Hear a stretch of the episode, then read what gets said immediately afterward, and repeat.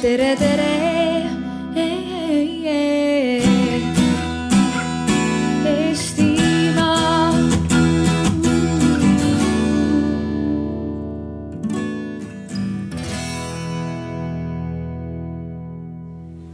Tere päevast, tere tulemast koosloomealale. tegemist on äh, uue alaga Arvamusfestivalil ja see toimub koostöös siis äh, Riigikantselei, Eesti Koostöökogu ja Kultuuriministeeriumi vahel. minu nimi on Olga Sõtnik, ma töötan Kultuuriministeeriumis mitmekesisuse, kultuurilise mitmekesisuse osakonnas.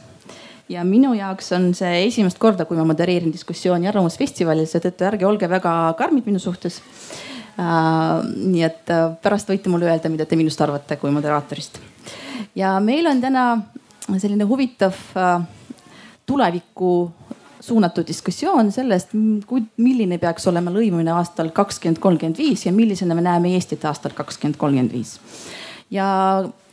paneelis meil osalevad Piret Hartman, Lauri Lugna ja Andrei Korobeinik ja ma paluksin siis alguses teid ennast tutvustada niimoodi paari lausega, kes te olete, kust te tulete ja mis on teie suhe lõimumisega? alustame siis A-tähest Andreist. Ja tere ka minu poolt äh,. olen siis ettevõtja äh,, pärit olen Pärnust äh,. selles mõttes ma pean tunnistama, et äh, minu jaoks äh, see lõimumise teema ei olnud nagu kunagi väga aktuaalne, aga äh, nagu isiklikult, aga ma näen, et Eest, Eestis on see tegelikult tänaseks äh, lahendamata probleem, nii et äh, kindlasti on äh, hea mõelda selle peale, mis võiks olla ideaalne maailm aastal kolmkümmend viis või noh, kasvõi kakskümmend viis. ja minu nimi on Lauri, olen siseministeeriumist kantsleri rollis ja, ja lõimumise teema minu jaoks seondub äh, sellega, et see on eeldus selleks, et oleks meil ka turvaline elada. ja, ja kui ei ole Eesti ühiskond lõimunud, siis on seal olemas eeldused, et äh, meil võib tekkida turvalisusprobleem.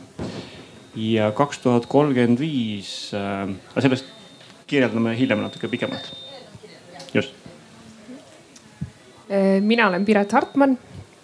ja töötan koos Olgaga Kultuuriministeeriumis Äh, on võimalus siis seda kultuurilist mitmekesisust Eestis juhtida asekantslerina. ja tulen ma hetkel Püssist Ida-Virumaalt ja tegelikult äh, olen pärit ka sealt, aga ma arvan, et mõni aeg tagasi see lõimumine oli minu jaoks selline ma ei mõelnud sellele kuidagi eraldi, et see, et erinevad kogukonnad koos elavad, oli, oli minu kodukohas väga tavapärane et täna ma mõtlen sellele üha rohkem ja mida rohkem ma sellele mõtlen, seda tähtsamaks ma saan. nii et ma loodan siit täna saada väga palju häid mõtteid ja küsimusi, et kuidas selle valdkonnaga edasi minna väga hea, suur tänu teile. aga miks me räägime lõimumisest aastal kakskümmend kolmkümmend viis, sest äh, praegu riigis toimuvad erinevad äh, äh, planeerimisprotsessid. alguses ma ütleksin ja mainiksin seda Eesti kakskümmend kolmkümmend viis tegelikult seina peal. Te näete seda, et eile toimus siin riigikantselei eestvedamisel ka paneeldiskussioon ja pärast töörühm, kus arutati, milline on maailm Eesti äh, aastal kakskümmend kolmkümmend viis, millised on Eesti võimalused, äh, ohud ja trendid, mis meid mõjutab, äh, milline on must stsenaarium, milline on helesinine unistus, milline on kesktee ja seda neljast vaatevinklist inimese, keskkonna, majanduse ja geopoliitika vaatevinklist ja lisaks sellele suurele strateegilisele dokumendile mm, äh, meil toimuvad ka päris mitmete teiste valdkondlike arengukavade uuendamised. Äh, sealhulgas ka lõimumiskava uuendusprotsess on, on käima läinud. praegune lõimumiskava kehtib aastani kakskümmend kakskümmend ja praegu me oleme selles faasis, kus me alustame uue, uue äh,, äh, uue siis lõimumiskava koostamisega ähm,. ja ja seetõttu ma tahaksin esimese küsimus, küsimusena küsida teie käest, et, et ma andsin teile enne diskussiooni igaühele oma rolli ja selle rolli vaatevinklist lähtuvalt ma paluksin teil kirjeldada, milline on teie jaoks ideaalne Eesti ühiskond aastal kakskümmend kolmkümmend viis ja seda just läbi integratsiooni ja sidusa ühiskonna prisma. muidugi integratsioon on ja lõimumine on väga horisontaalne valdkond, tegelikult ma usun, et igas, igas valdkonnas, majanduses, keskkonnas ja, ja nii edasi me leiame mingisuguse seose lõimumisega. aga just, just vaatame niimoodi läbi sidusa ühiskonna prisma, et milline see Eesti ühiskond on.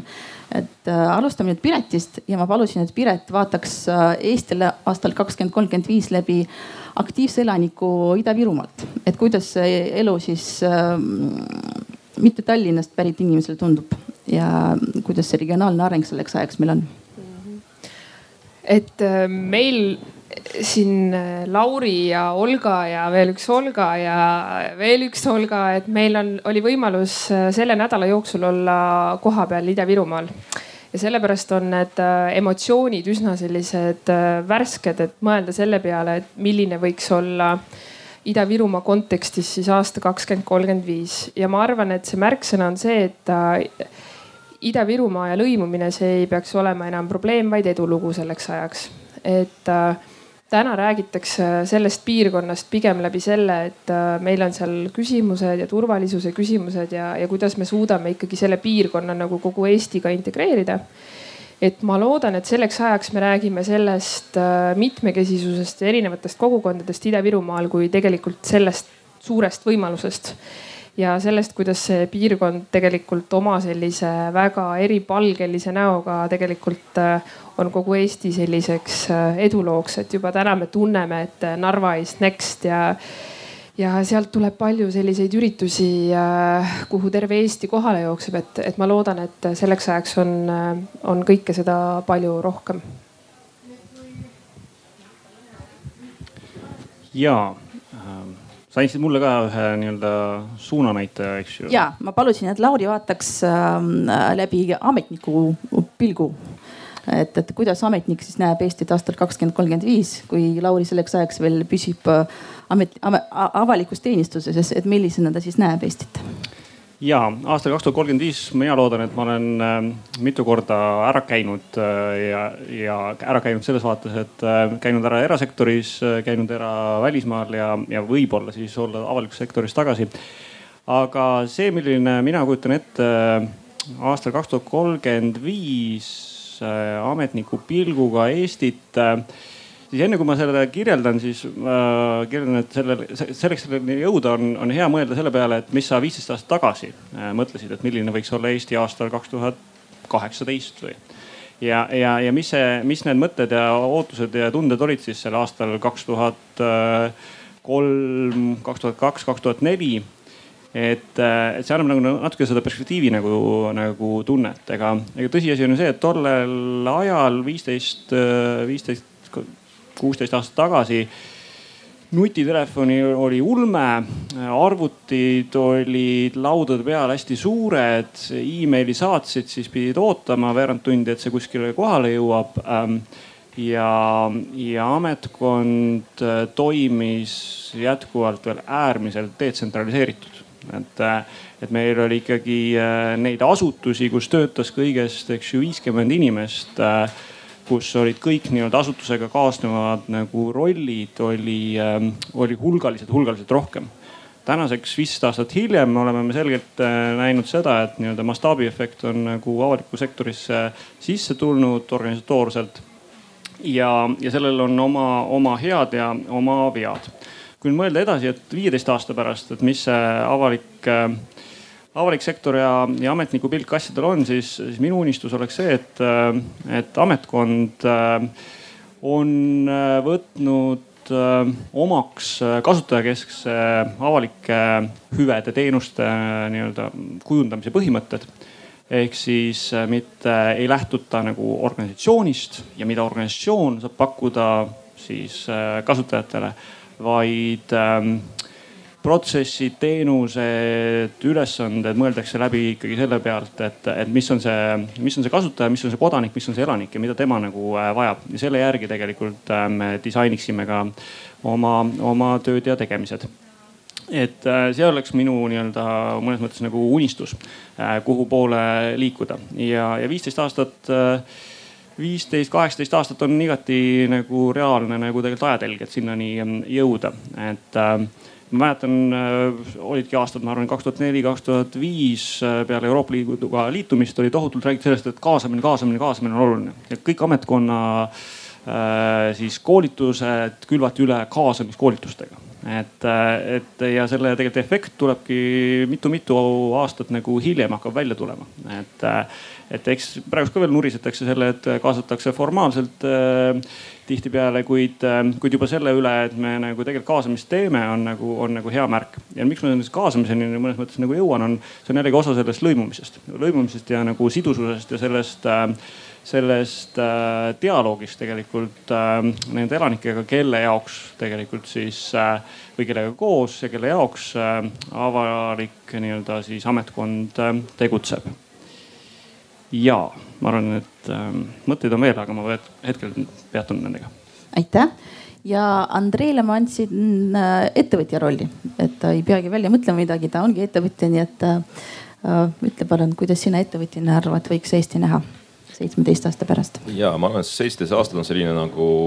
piiri peal äh, periood, et äh, noh, sõltub, kui kiiresti need äh, asjad maailmas muutuvad, aga üldiselt, mis mina näen, on see, et, et, et noh, tänapäeval juba noh, ikka päris ammu riigid tegelikult võistlevad just inimressursi pärast, nad, need tavalised traditsioonilised ressursid ei, ei oma nagu nii suurt tähtsust, tähtsust juba täna aga tulevikus äh, see protsess kiirendab veelgi ja see tähendab seda, et äh, noh, Eesti on rahvusriik, eks ole. see rahvusriigi mõiste äh, kahekümne aasta pärast on kindlasti teistsugune, et täna noh, Eesti puhul arvatakse, et kõik, kes siin elavad, peavadki eesti keelt rääkima, nad peavad olema eestlased tänases mõistes, et kahekümne aasta pärast see kindlasti nii ei ole et äh, kuidas me sinna jõuame, noh, seal on kaks teed, et üks, äh, üks on see, et äh, läheb kehvasti ja mõni naaberriikidest jõuab meist tublisti ette. ja siis Eesti on selline noh, ütleme jõuab sinna konkurentsiturule veidi hiljem, aga nagu mina pigem usun, et realiseerub positiivne stsenaarium ehk siis need sammud tehakse juba täna et ka täna, täna äh, pakub Eesti, hakkab pakkuma niinimetatud äh, no, äh, digital nomadi viisat inimestele, kes võivad siia tulla tööle. ehk siis Eesti tegelikult teeb need esimesed, esimesi samme no, selles suunas, et ma arvan, et noh, kas just äh, kolmkümmend viis, aga kaks tuhat nelikümmend on äh, Eesti tugev äh, bränd. ehk siis selleks ajaks tegelikult riigi mõiste muutub, et riik ei ole enam noh, miks riik on nagu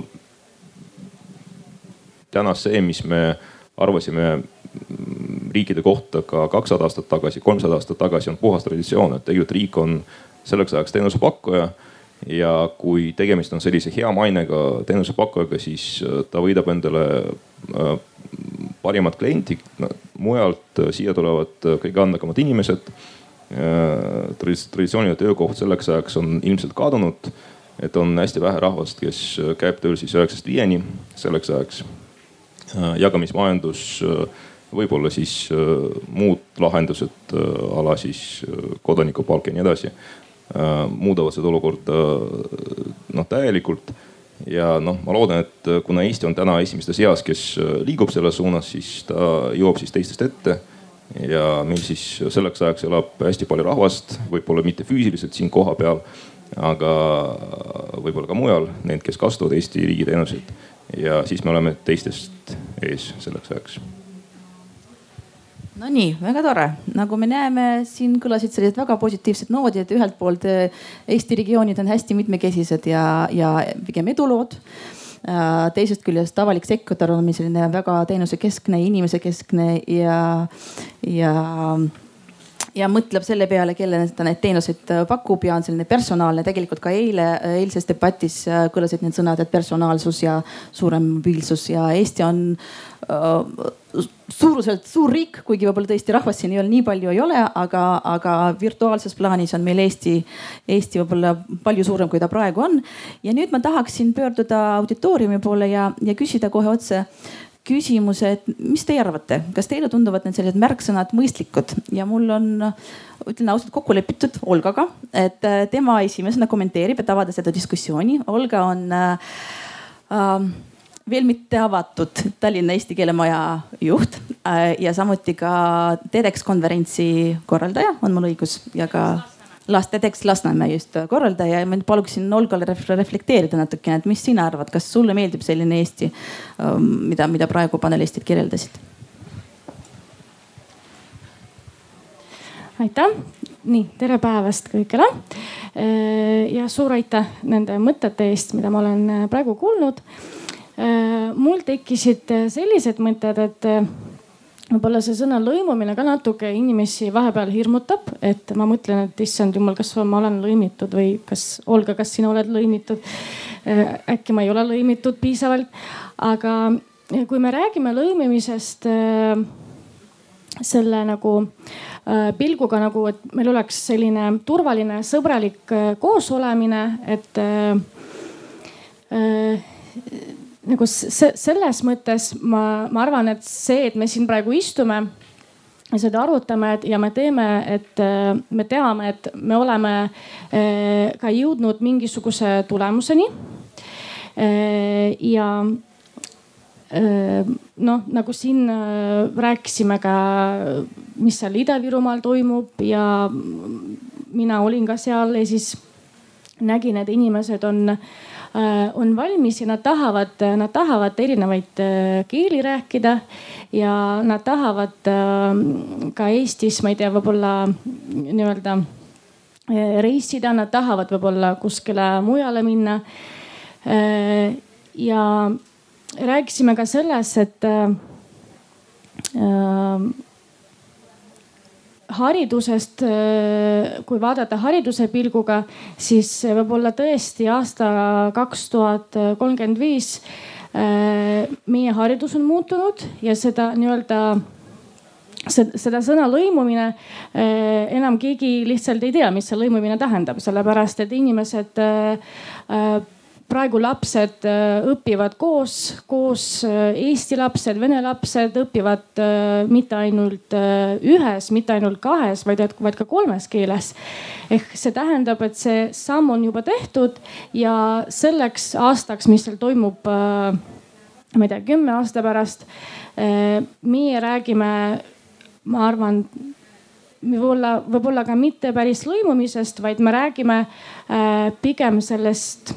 koosolemisest ja sellest, et äh, meil on juba võrdsed võimalused. et ei ole nii, et kuidas me teeksime, et meil oleksid võrdsed võimalused. aga kümne aasta pärast me räägime sellest, et meil juba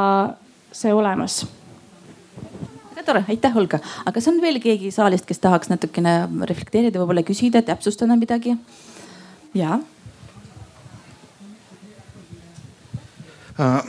kuna ma olen äh, paar aastat Ida-Virumaal töötanud, äh, siis selle lõimumise sidususe kohta kommenteeriks, et tõenäoliselt see eestlane, venelane, see pole enam üldse probleem. aga kaks tuhat kolmkümmend viis minul on kurb kõhutunne, et tekib sihuke probleem, et on sihuke Tallinna taha tuleb üks piir kus teisel pool seda Tallinna piiri, noh, seal on Ida-Virumaa ja Tartu ja Paide, noh, on sihuke eh, noh, ei ole neil tööd ja ei ole neil raha ja tulevad Tallinnasse kõik tööle. hästi on, kui Tallinnasse pidama jäävad, mitte Frankfurti või, või Londonisse või kuhugile edasi ei sõida. et äh, tõenäoliselt kaks tuhat kolmkümmend viis see saab suuremaks probleemiks, noh täpselt nagu Andrei Korobeinik ütles, et noh inimeste pärast kaklemises need piirkonnad hävivad ja hävivad rängalt. et noh, nii kurb see kui on, minul on sihuke kartus. nii aitäh, natukene pessimismi siia juurde, nii sa tahad äh, seda kommenteerida? hea on äh, see, see pessimism, pessimism kohe nagu ühte kohta lauale ära panna, eks ju, enda poolt ka, et, äh, et siis, äh, siis saab nagu, nagu hakata seda adresseerima, et kuidas seda lahendada, et et tõsi on see, et see, see ilus unistus Eestis kaks tuhat kolmkümmend viis äh, hõlmab väga palju siis äh, välisega tegelikult integratsiooni. ehk siis seesama, eks ju, et, et meil siin on tulnud Eestisse juurde inimesi, kes teevad nagu väärtusloovat tööd ja ja, ja see, milles me saame tegelikult nii-öelda riikidevahelises konkurentsis mõnes mõttes olla nagu edukad, ongi see, see, et just, et äh, kas meie inimesed suudavad luua sellist äh,, sellist väärtust, mida äh, nii-öelda eksportida. aga, aga tänane realism on päris hirmus. tänane realism ütleb seda, et kaks kolmandikku viimased uuringud, mis me mis me oleme saanud, esialgsed tulemused näitab seda, et äh, kaks kolmandikku inimestest äh, olles neile öelnud, et arvestades, et Eestis elanikkond vananeb, arvestades, et äh, ettevõtetel on äh, puudus äh, tööjõust. kas Eesti majandusarengu jaoks oleks, oleksite te nõus, et Eestisse tuleks siis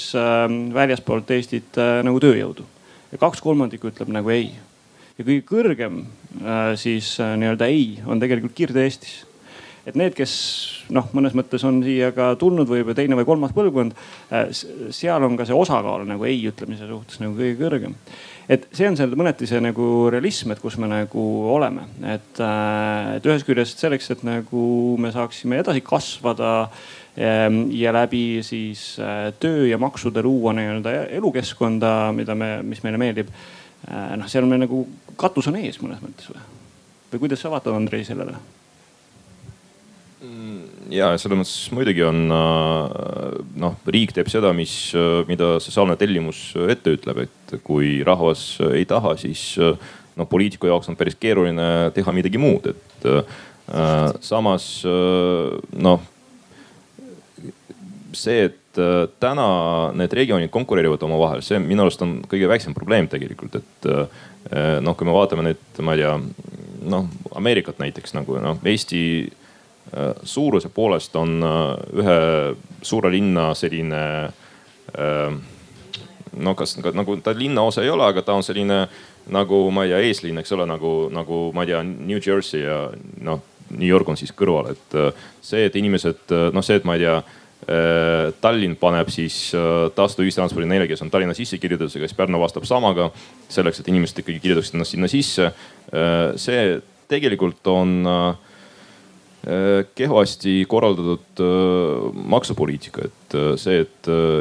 peab nagu sedasi maksude pärast võitlema, on noh jama, et nii, no nii ei pea olema. kohalikud omavalitsused peavad ikkagi lähtuma kuidagi nagu sellisest ühisest eesmärgist. aga see, et inimesed tõepoolest ei taha, et siia noh tuleksid välismaalased, see on tõsi. aga ma arvan, et see on tegelikult suurem probleem kui ma ei tea, eestlaste ja venelaste omavahelised suhted, et Äh, see on see, mis äh, tegelikult hoiab äh, Eesti riiki, riigiarenduse arengu nagu kinni, et kui see olukord ei muutu, siis noh, tõepoolest kahekümne aasta pärast me oleme siis palju kehvemas seisus nagu tänasega võrreldes, et need parimad inimesed tulevad mujale. ja meie parimad inimesed tulevad ka sinna, sellepärast et kui keskkond võimaldab, siis miks sa pead olema kuskil Lõuna-Eestis, kui sa saad noh, ma ei tea, minna Rootsi või minna, minna Inglismaale nii et selles mõttes äh, see äh, inimeste eest äh, võitlemine nagu ei tähenda seda, et, et sa saad neid parimaid siia, vaid see tähendab ka seda, et sa hoiad nagu enda parimaid siin, et sa võistled ka nende eest, nii et see on see, mis nagu riik täna ei tee sisuliselt, aga noh, ma arvan, et see võiks olla see lõimumise peafookus lähiaastateks aitäh ja siin oli veel üks minu meelest üks kommentaar, eks ju?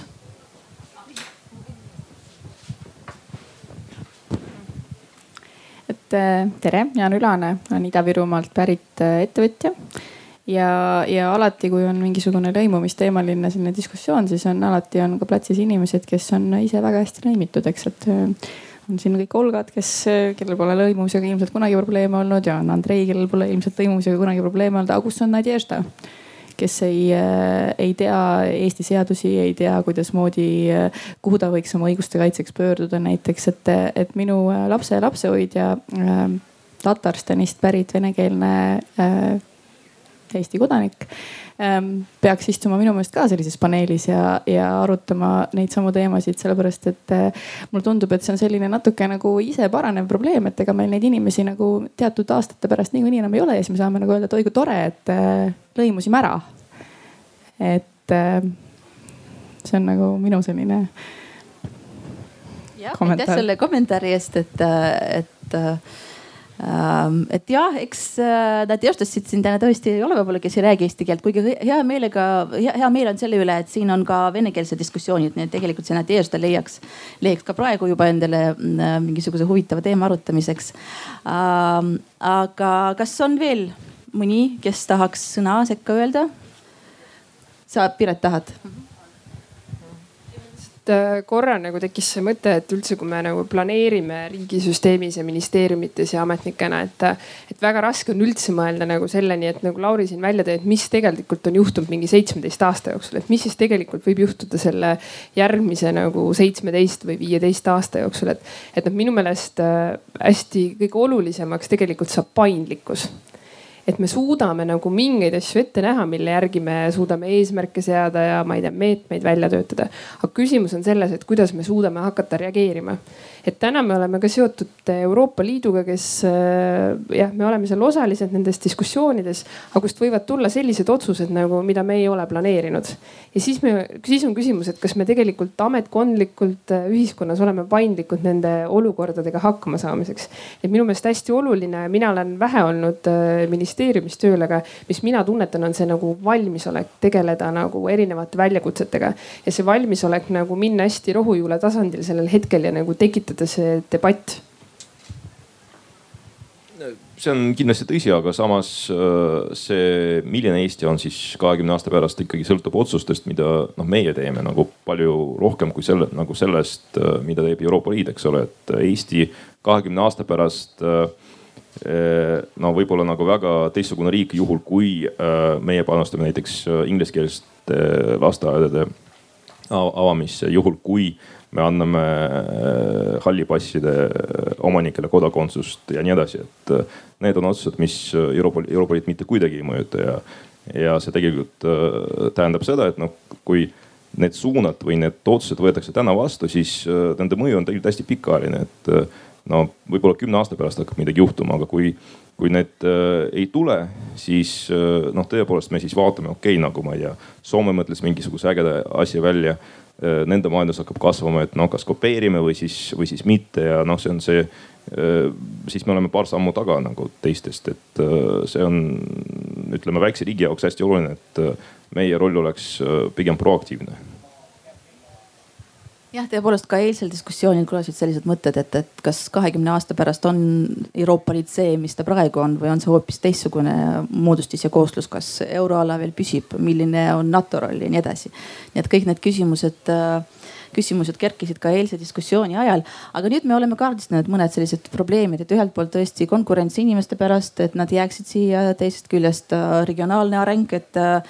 on, on kõlanud sellised pessimistlikumad arvamused, et, äh, et, et inimesed kõik koonduvad pigem Tallinnasse ja, ja äärealad pigem jäävad, jäävad inimtühjadeks. et ähm, kuidas te arvate, et millised on siis need kriitilised muudatused me peaksime praegu tegema selleks, et, et need negatiivsed stsenaariumid ei realiseeruks ja need positiivsed stsenaariumid siis oleksid tõenäoliselt äh, ellu viidud. et, et mida me praegu hetkel peaksime ette võtma, mis äh, mis muudatusi me peaksime tegema, milliseid kokkuleppeid me peaksime sõlmima, võib-olla see peaks olema selline mingisugune üleüldine ühiskondlik kokkulepe. Äh, kes siis peab seda vedama või kes, kes, kes peab selle peale mõtlema, kes peab olema see, see eestvedaja, kes äh, kes ähm, algatab sellise dis diskussiooni ja debati äh, riigis. nii, kes alustab?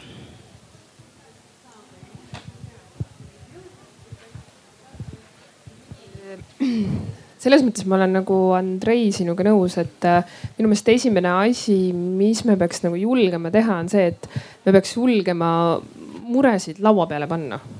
et äh, ma ei tea, võib-olla see on jälle minu selline isiklik kogemus, et, äh, et vahel me teeme mingeid asju ametnikena sellepärast, et me oleme neid aastaid juba teinud. Et äh, võib-olla peaks tihemini küsima, miks me neid jätkuvalt teeme nii, nagu me oleme neid teinud ja, ja kui me näeme, et meil on tekkinud äh, lisaküsimusi, et me julgeksime need tõstatada laua peale ja alustada nende üle debateerimist. et äh, Virumaal on tihti küsitud minu käest, kui me oleme nendes suurtes tööstusettevõtetes käinud, et noh, kuidas sa need Aleksandrid ja Sašad siin kõik ära lõimid siis ma ütlesin, no esimene vist on see, et tuleb hakata nendega lihtsalt rääkima, nendega suhtlema, nende juurde minna ja küsida ja, ja arutada ja kuulata nad ära, et, et ma arvan, iga asjaga on lihtsalt julge pealehakkamine, et, et lihtsalt võtta need asjad ette ja, ja hakata arutama. Ja ma arvan, et nii sünnivadki lahendused, et,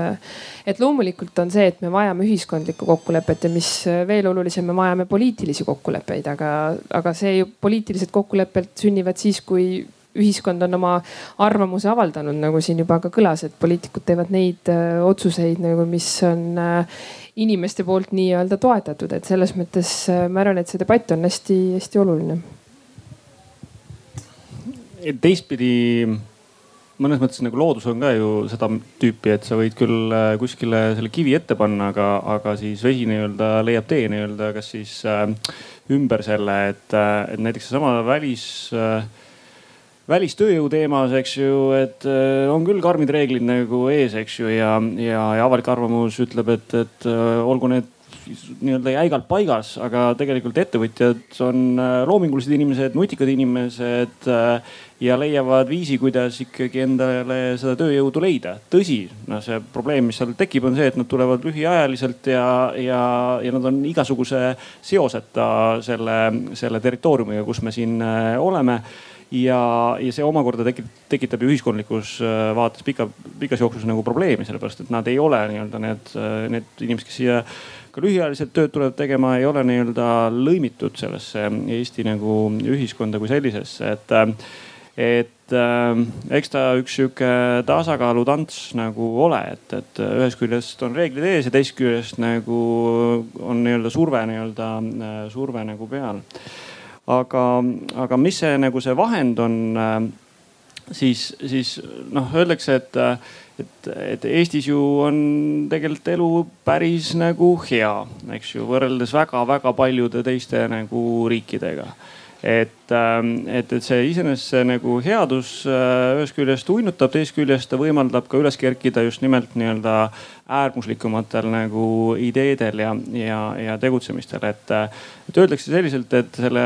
selle esimese suure sa saad teha nagu rusikareeglitega, aga see viimane kakskümmend protsenti, eks ju, siis äh, tulemusest tuleb alati nagu hästi nagu raskelt, et. me tegelikult küsiks nagu tegelikult nii-öelda kolleegide käest siin kõrval, eks ju, et kas lõimumises me oleme jätkuvalt veel alles äh, ära teinud selle esimese kakskümmend protsenti ja kaheksakümmend protsenti on nagu teha. või meil on nagu kaheksakümmend protsenti tehtud ja nüüd on meil see hästi keeruline segment, äh, kakskümmend protsenti, kellele me ei suuda müüa või nii-öelda ei suuda nii-öelda muutust saavutada, et mis su tunnetus, Andrei, on? no ma e-, esiteks nagu,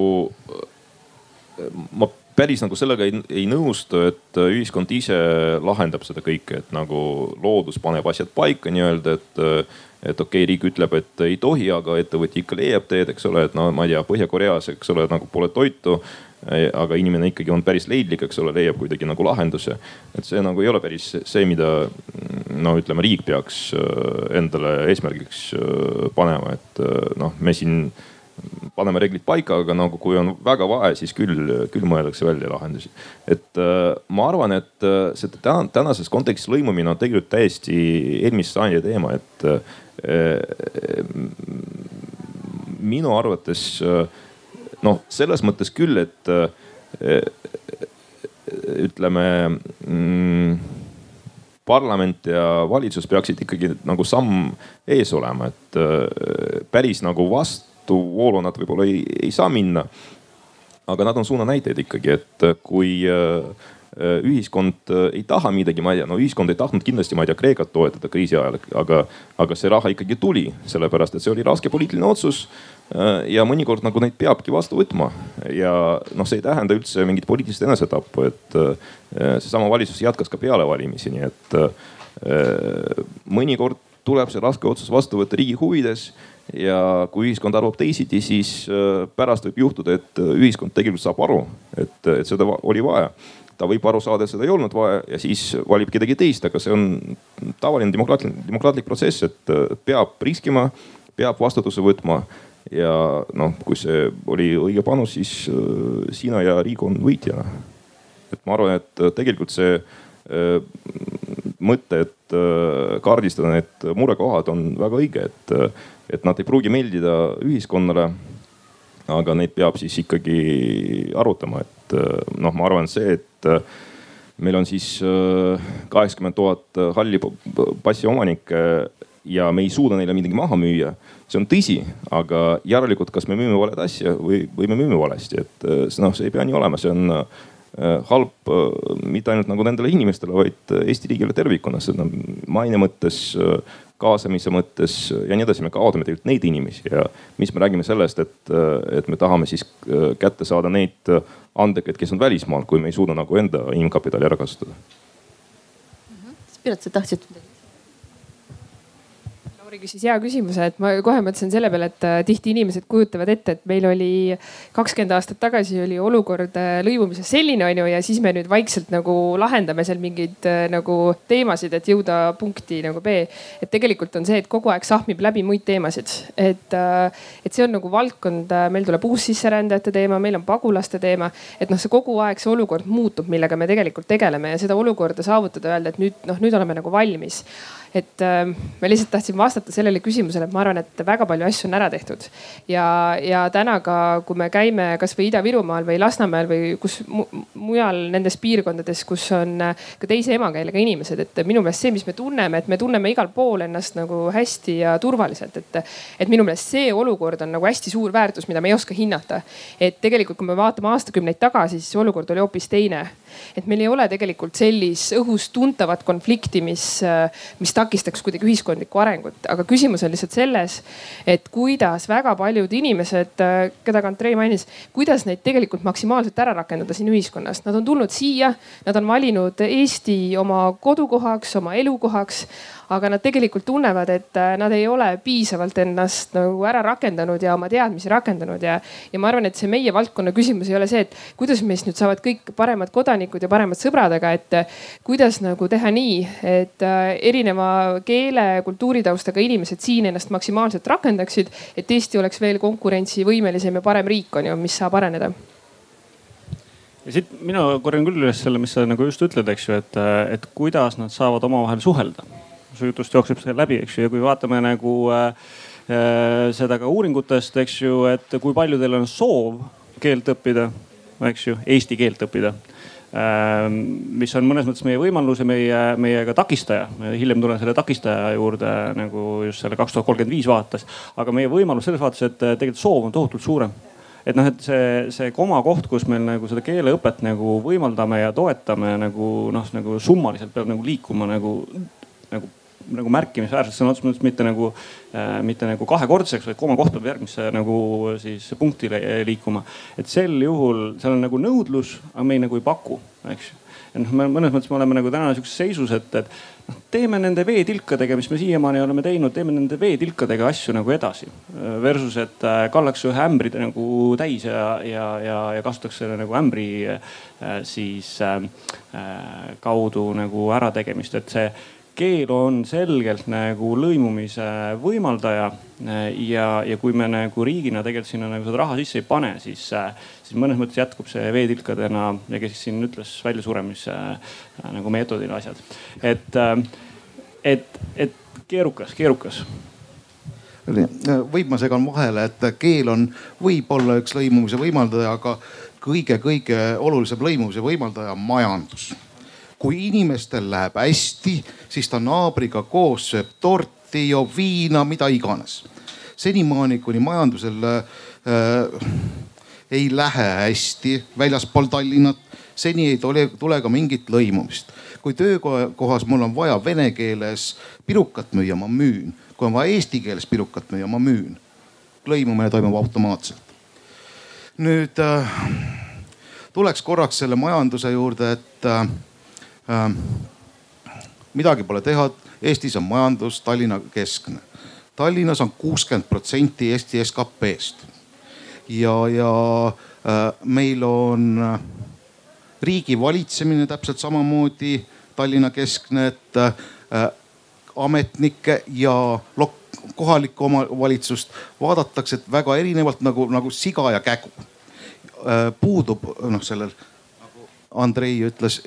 Äh, julgust teha otsuseid, noh delegeeriks natuke raha kohalikule omavalitsusele rohkem. võib-olla nad leiavad kasvõi Ida-Virumaa näitel selle keeleõppe või Võru, Võru näitel teevad seal mingisuguse, ma ei tea, mingi majandustegevuse kus noh, kus, miks puudub julgus delegeerida edasi? see on minu küsimus teile, kes te olete paljud seal ametnikud. no see ei ole küsimus ametnikele tegelikult, et noh, ametnikud võivad olla noh nad te teevad tegelikult seda, mis, mis,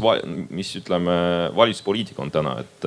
nad võiksid võib-olla, no ma mäletan küll minu riigikogu ajast, kus äh, valitsuspoliitika on juba muutunud veidi le leebemaks, ametnikud veel mitte, et nagu see on selline kerge inerts nagu, et, et nad võiksid pigem olla nagu noh, ütleme sinna suunas, et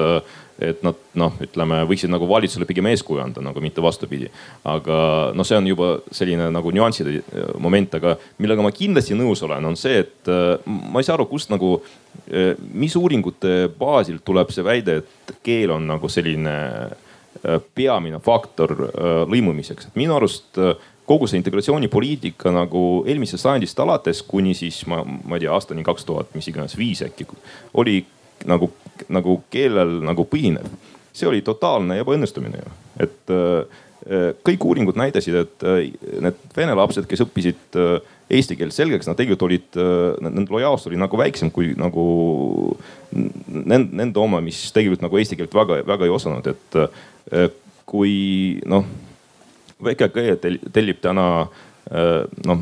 minu firma käest äh, tarkvara, siis see tarkvara on vene keeles, sellepärast et keegi eesti keelt seal, seal ei räägi. kas need inimesed, kes äh, seal tööl on, kas nad ei ole Eesti riigile lojaalsed? ma arvan, et on, sellepärast neil on töökoht olemas, neil tegelikult on kõik okei okay et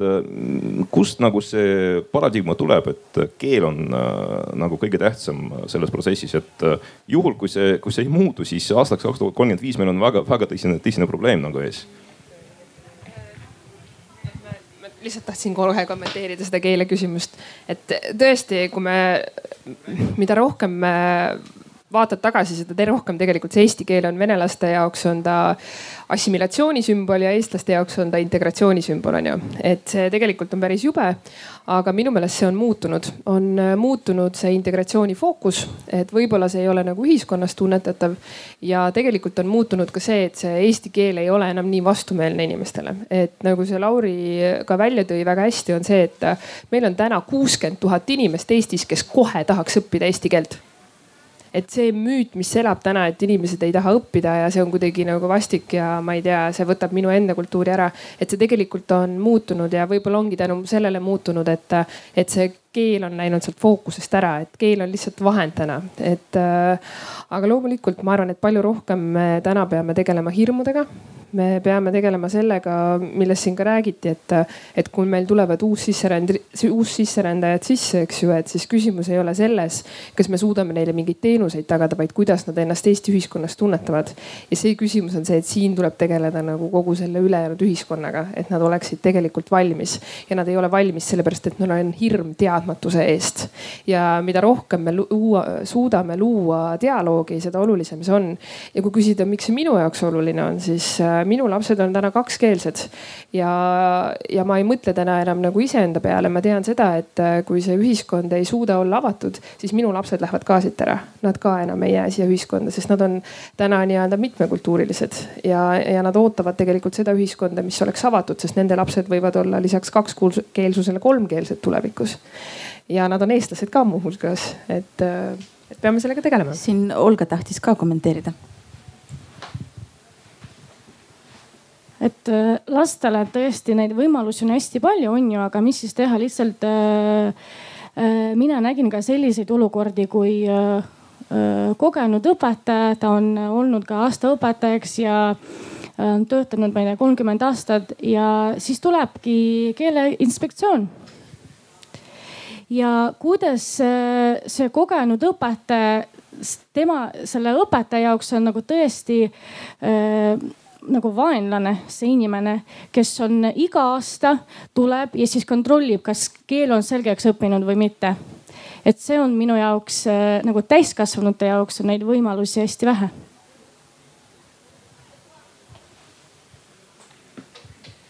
ja ma lihtsalt tahtsin seda mainida, et ma nagu ei väitnud, et äh, keel, ma ei tea, on äh, mingisugune äh, assimilatsiooni sümbol. ma tahtsin seda öelda, et kui sa ehitad oma lõimumispoliitika keeleõppe peale, siis no see on üld nagu ülivale noh, et äh, nii, nii ei jõua mitte kuhugi noh kui äh, inimesel on äh, oma koht ühiskonnas olemas ja ta ei räägi eesti keelt, ta räägib näiteks, ma ei tea, hollandi keelt, eks ole, ta on võib-olla suur Eesti fänn. nagu kas tõepoolest saadad tema kohvikusse keeleinspektsiooni, see on niivõrd tobe, see on nagu nii, ma ei tea, mitte eelmise, vaid üle-eelmise sajandi teema noh no või okei okay,, nagu eelmise sajandi kolmekümnendate, neljakümnendate aastate teema noh. et äh, kuidas sa sellist asja teed, et kuidas sa nagu selle asja peale üldse tuled? see on nagu nii mõttetu maksumaksja raha raiskamine, et äh, minu arust see on üks äh, väga vale asi, mida Eesti riik teeb. keele, keele inspekteerimist, ütleme niimoodi aga mis ma lihtsalt tahtsin selle integratsioonipoliitika pealt, et me oleme selle uue lõimumiskava tegelikult algusjärgus ja, ja me panime enda jaoks neli prioriteeti, et seal ei ole nagu, see keel on meie jaoks läbiv teema, et ükski nendest neljast prioriteedist ei ole tegelikult seotud keelega. et äh, on segregatsioon, on kommunikatsioon, on palju, mina näen nagu lõimumises palju selliseid praktilisi küsimusi, mis tuleb ära lahendada, et me ei pea üldse rääkima suurest filosoofiast, et me lihtsalt peame väga praktilisi asju ära lahendama ja siis hakkavad juba asjad liikuma Nonii, kas, kas see töötab? see töötab jah, väga hea. Nii äh,, ma lootsin, et me äkki siis sellest keelest ei räägi, aga siiski, siiski lõimumine väga tihti. Tõepoolest nagu Andrei ütles, võrdub, võrdub keeleõppega, et see on, see on selline üheksakümnendate lõpust meile jäänud selline taak millega me tegeleme äh, aktiivsemalt või, äh, või vähem aktiivsemalt. no praegu tundub, et, et see ämbri metafoor hakkab tööle, et meil tõepoolest on päris palju vahendeid, meil tulevad eesti keele majad, äh, mille kaudu me suudame pakkuda eestikeelset, eesti keele õpet inimestele. samas see küsimus aastaks kakskümmend kolmkümmend viis tõenäoliselt ei, ei kao, sest meil, kui me tõesti lähme seda, seda teed pidi, mida näiteks Andrei kirjeldas, kus meil on inimesed üle kogu maailma ja võib-olla nad ei ole siin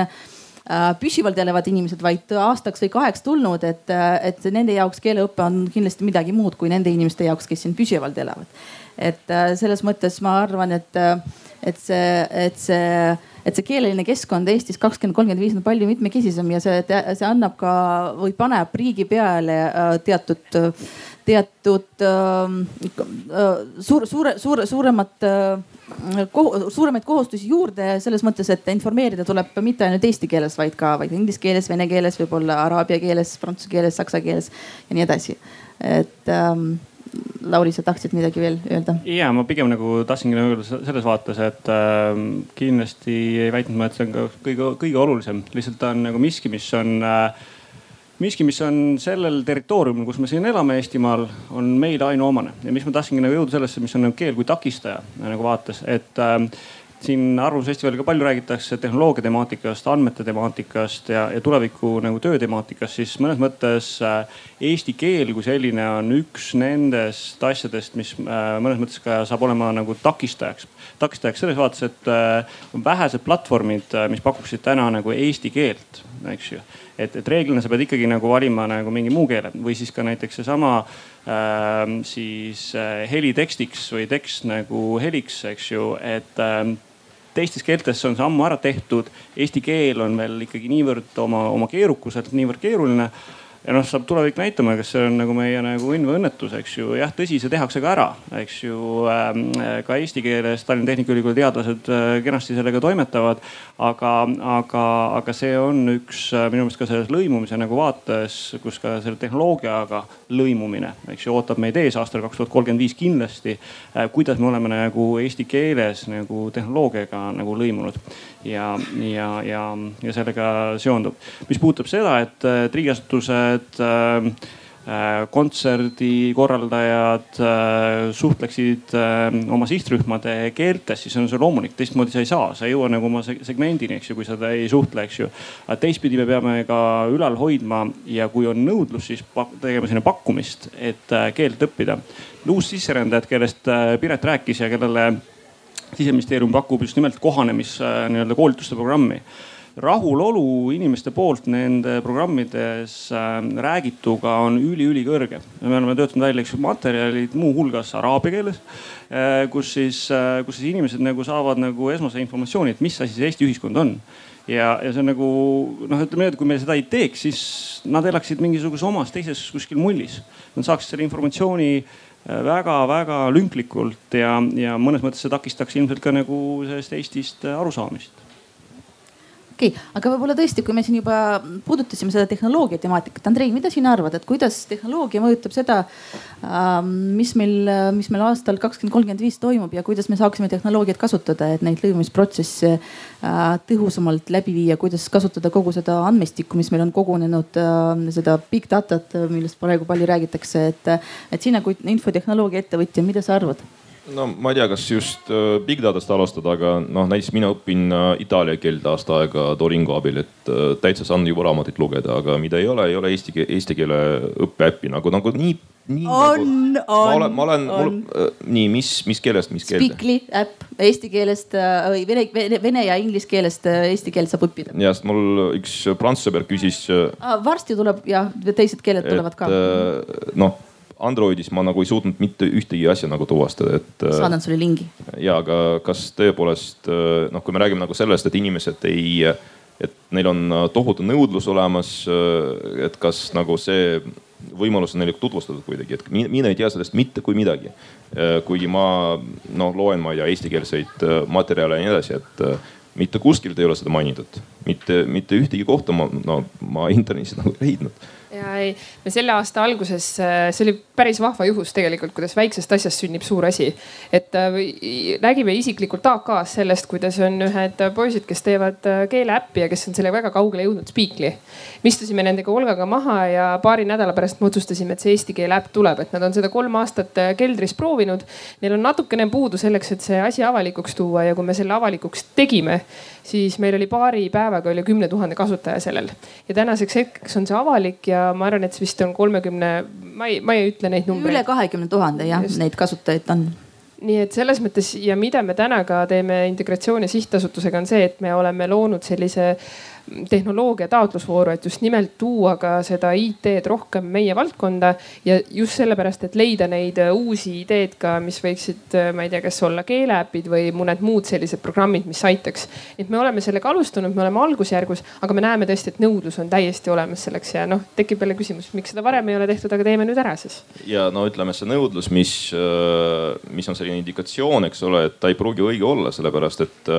noh, need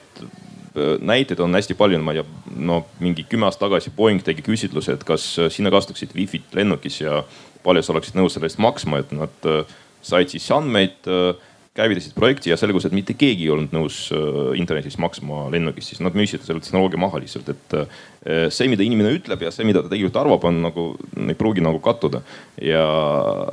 ütleme niimoodi, et kui äh, noh, Ida-Virumaal on inimene, kes, kellel muidu on kõik, kõik hästi, eks ole. Eesti keelt ta tööl ei kasuta, kodus ka mitte, siis ta võib ju tahta seda õppida. aga esiteks tal ei ole tegelikult sellist nagu tugevat motivaatorit ja teiseks isegi kui ta äh, kuidagi nagu suudab seda, ma ei tea, kursust läbi teha, siis tegelikult äh, kui sa keelt ei kasuta, siis see läheb lihtsalt meelest ära, et äh, siin ei ole mingit parata, et selles mõttes need äh, lahendused, no äpid, eks ole noh,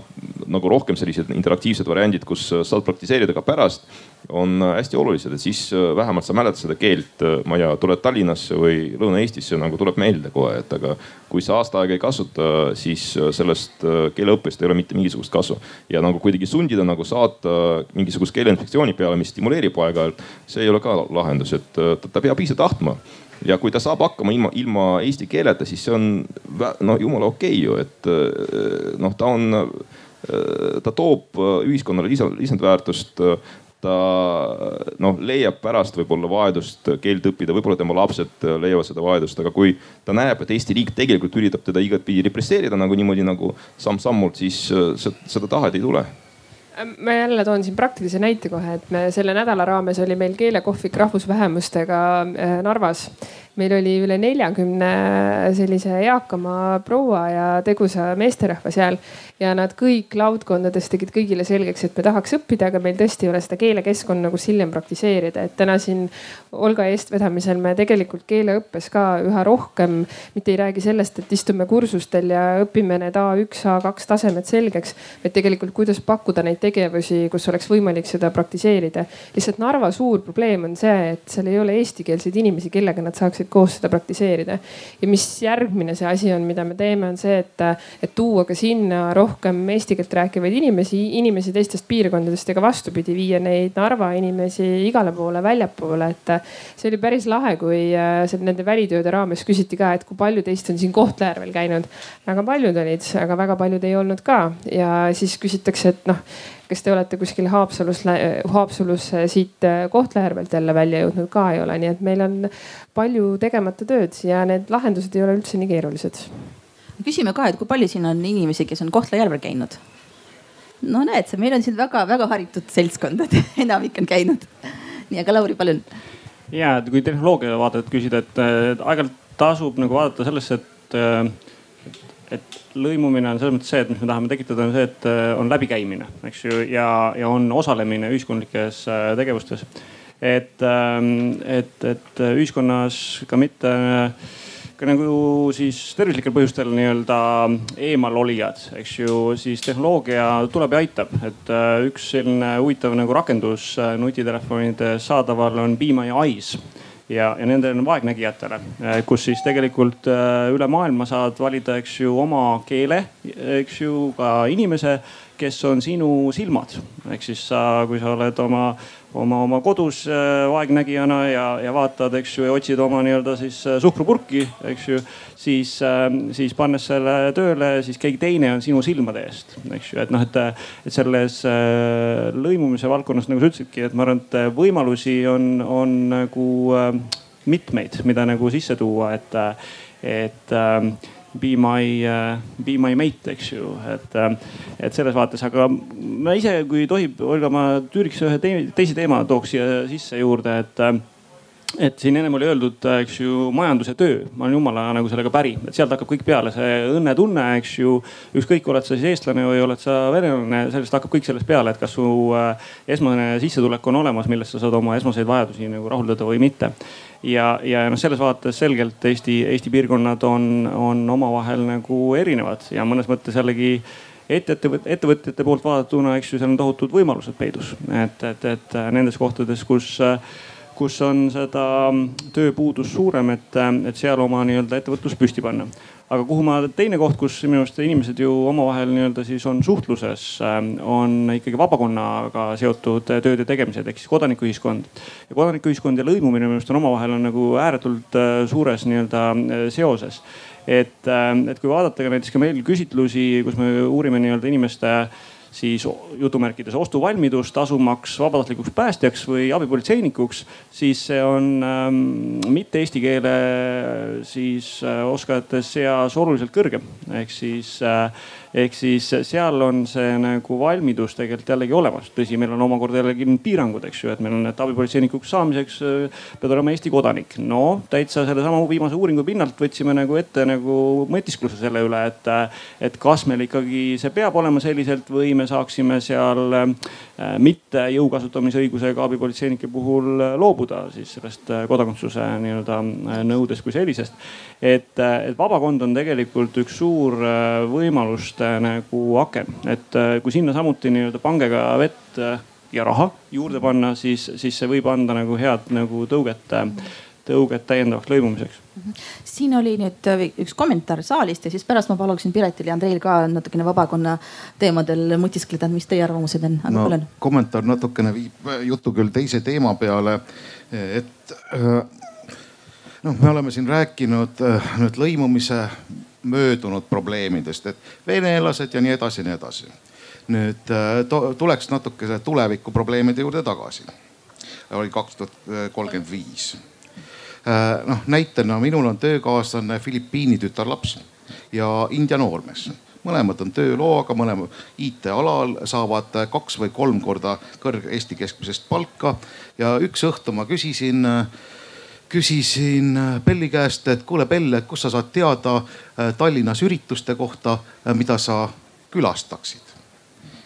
ta ütles, et ega ei saa, et meil on Filipiini Facebooki grupp, et me jagame seal omavahel infot, mis saab, mis Tallinnas toimub. et kui, kui teie, teie ütleksite ka neid tulevikuprobleeme, et mis on need, mida teie arvates võiks lõimumise all vaadata? sellele ka küsimusele vastama, aga alguses siis vabakonna küsimus ja pärast lähme üle sellele informeerituse küsimusele ja infovahetusele. ja selles mõttes ma aru, noh, ma sain aru, et äh, see nii-öelda uus äh, integratsioonipoliitika lisaks nagu nimemuutusele äh, keskendub tegelikult kaasamisele, et noh, siis keelest nagu fookus läheb sinna, mis on nagu väga õige. kui inimene tunneb, et ta on ühiskonnas vajalik, et ühiskond saab talle midagi vastu pakkuda, siis loomulikult ta tunneb nagu suuremat ütleme soovi siis kaasa lüüa, et noh, see on väga õige, et nagu kas see on väga edukas olnud või mitte, no ma ei oska hinnata, aga ma arvan, et noh, kui see suund on olemas, siis varem või hiljem see tulemus on ka käes, et aga see muidugi noh, tähendab ka mm, seda, et, et noh, see kaasamine noh, peaks tähendama ju suhtlust selle inimese keeles, et see, et sa nagu üritad teda eesti keeles kaasata, ei pruugi toimida, kui ta eesti keelt ei oska, et ma praegu vaatasin, see äpp, äpp on täiesti olemas inimesed küll kurdavad, et äh, ta on tasuline ja see, no aga siis nad saavad järelikult ah, parooliga, eks, aga muidu on tasuline või? Nagu... muidu tegemist on tasulise äpiga ja, aga nagu... just, aga just eesti keele jaoks on loodud spetsiaalne parool, teen reklaami EV100, kes tahab, palun kasutage ja saate tasuta. ja juhul, kui te isegi olete maksnud ju, juhuslikult, siis nad tagastavad teile raha nagu, selle eesti keeles. kas see ei tundu sulle natuke selline keeruline lähenemine või um,? Muidugi võiks lihtsamalt, aga, aga, aga tol hetkel see meile tundus kõige loogilisem ja, no, kõige, kõige saan aru, et kui nagu, kui sa ikka eesti keelt nii väga tahad õppida, siis küll sa leiad viisi, aga, aga üldiselt nagu need pisiasjad tegelikult äh, mängivad väga suurt rolli, et kui nagu ma arvan, selle Racing kolm koma kaks üldse ei kutsu, noh, Duolingo oma on neli koma seitse näiteks, et äh, viiest. et üldse ei kutsu seda alla laadima ja nagu osa sellest äh, reisingust on kindlasti selle tasulise nagu selle teenuse taga. ja see, et sul ei ole mingit inglisekeelset portaali, kus on mingid põhiasjad äh, kirjas, äh, noh, see ka ei maksa palju. Annab palju juurde, aga noh, riik nagu teadlikult nagu sinna ei panusta, sellepärast et noh Äh, küll on sellel inimesel, sellel nagu India noormehel nagu suurem siis põhjus eesti keelt õppida, aga nagu ta elu sees seda ei tee loomulikult, kui ta tööl seda ei kasuta ja kodus ka mitte, aga ta tunneb ennast natuke nagu kehvemini siis Eestis, sellepärast et ta ei saa infot enda keeles, et no nagu teadlikud valikud. Eesti läheb sellise nagu repressiivset nagu, nagu kuidagi alateadlikult nagu selle repressiivse tee, tee kaudu nagu sinna keeleõppesse, et nagu selle asemel, et tekitada nagu põhjuseid, aga teha ka selle välismaalase elu äh, mugavaks, et Eesti ikkagi üritab nagu sellised kerged ebamugavusmomendid nagu tekkida selleks, et äh, see keeleõpe oleks äh, noh vajalik inimese arvates. minu arust see nagu täna, tänases maailmas nii ei toimi, et kui noh, see võis toimida kakssada aastat tagasi, kus no inimene elab seal riigis, ega tal valikut ei ole, et noh, suure tõenäosusega ta ei koli mujale, et siis ta nagu peab seda tegema, aga täna ta võib valida ju riiki umbes samamoodi nagu ta mingit teenusepakkujat valib, nagu ta panka valib. et kui teenus ei meeldi, siis läheb mujale ja siis ta lähebki mujale ma, väga vabandan, et ma peaksin muidugi moderaatorina mitte sekkuma sisuliselt, aga kuna ma olen selle lõimimise sees päris palju ja natukene on, äh, olen kursis ka sellega, mis praegu toimub ja mis on planeerimisel, siis, siis mis puudutab neid just äh, talente ja uussisserändajaid, et nende jaoks luuakse rahvusvaheline maja, mis tuleb koostöös erasektoriga Ülemiste keskusesse, kus nad saavad informatsiooni erinevate elualade kohta, tervishoiu kohta, kohanemise kohta, dokumendi kohta, bürokraatia kohta. Ja et, et, et, et selles mõttes riik siin ka mõtleb selle peale, kuidas, kuidas neid talente äh, rohkem siia kutsuda, kuidas neid siin hoida, kuidas neile pakkuda teenuseid äh, ühes kohas ja nende, äh, nende poolt valitud keeles. nii et selles mõttes midagi, midagi toimub. ta peab siis vastuvõtule tulema selleks, et infot kätte saada ta võib seda teha ka äh, veebi vahendusel, aga võib ka kohale tulla, kui ta soovib jah, et selles mõttes siin on erinevad, erinevad võimalused nii, nii digi-, nii, nii digitaalsed kui ka mõni inimene võib-olla eelistab äh, kohale tulla ja, ja niimoodi äh, isiklikult suhelda. aga Piret, palun. ja et see kaks küsimust oli, et üks, mis on tuleviku väljakutsed ja mis on vabakonnaga seoses, et vabakonnaga, see on meie jaoks juba üsna loomulik, et, et ma arvan, et vähemalt kord nädalas meil on uue organisatsiooni või valdkondliku eestvedajaga kohtumine mõtlemaks selle peale, et kuidas nemad saavad meile appi tulla nii, ma ei tea, orienteerujatest, sportlastest, jalgpalluritest kuni ma ei tea, teatrite ja erinevate asutusteni välja, kellega me koos mõtleme, et see lõimumine ei ole midagi, mida tuleks teha eraldiseisvalt, et äh, tegelikult see peaks olema erinevate organisatsioonide, asutuste, ettevõtjate oma tegevuses sees. et me ei suuda seda ühe osakonnaga või ühe organisatsiooni või isegi kahe ministeeriumiga ära lahendada, et see on see kindlasti, mida me teeme aga see teine küsimus, et äh, mis minu jaoks, mis mulle isiklikult tundub, on see, et äh, seesama, mis te tegelikult välja tõite, see info teema. et noh, kui me vaatame korraks, ma peatun veel selle venekeelsete juures, et kui me vaatame Eestit, siis meil on väga palju erinevaid üritusi, kultuurisündmusi ja nii edasi. aga me näeme, et on üritused, mis on venekeelsetele inimestele, on üritused, mis on eestikeelsetele. ja ma nagu alati ütlen, et tegelikult oluline ei ole see, et luua üritusi juurde, kus nad koos kokku saaksid, vaid tegelikult oluline on see, et hakkaks info jooksma nii, et need inimesed külastaksid teineteise üritusi ja me peaksime need võimalused looma. aga mis puudutab tulevikku, siis minu jaoks on küsimus selles inglise keeles. et äh, kui palju, meil on täna ETV Pluss, mis on venekeelne, selleks, et kaasata üks osa ühiskonnast rohkem meie inforuumi. aga me näeme seda, et tuleb uussisserändajad, kes kasutavad inglise keelt. mida me nendega teeme? Mm, kas me peame nende jaoks eraldi kanali looma? meil on täna rahvuskaaslasi kaks tuhat, kakssada tuhat eestlast elab välismaal, kelle lapsed enam ei räägi eesti keelt, aga nad on huvitatud Eestist. Nad äh, oleksid valmis lugema ingliskeelset informatsiooni, nad kõik ei õpi enam eesti keelt ära. mida me nende inimestega teeme? millise inforuumi me nende jaoks loome? Kuidas me oma avalikku teenuseid pakume, kas kõik peaks olema mitmes keeles, kolmes keeles, neljas keeles, viies. vot see on minu jaoks nagu tõsiselt see tuleviku väljakutse, et me täna oleme juba mõtlemas, et kuidas seda kujundada ametkondadega. aga minu meelest see peaks olema see, mida, mille peaks nagu laua peale panema. saalist nüüd kommentaar? ja, nii töötab äh, mõtiskleks ka natuke selle tuleviku teema üle, aga võib-olla liiguks sellest keelest natuke korra eemale, et see on päris läbivalt meil käinud siin, aga mis on ka enne just siin diskussioonis läbi käinud, et tulevikus meil ikkagist peame mõtlema ka just Eesti tasandil, et meil on järjest eravik, järjest enam ikkagist Tallinn versus ülejäänud Eesti. ja noh, isegi tegelikult ka Tallinna sees rääkides segregatsioonist, meil on ikkagist väga selgelt mingisugused sopid. noh, rääkides nii emakeelest kui ka ütleme sissetulekutest ja noh, meil on ju näha, et see on viimaste aastate jooksul nagu süvenenud ehk siis nagu integratsioonil me ei saa mõelda ainult seda, kuidas me näiteks välismaalasi integreerime, ütleme siis seda nagu ühiskonna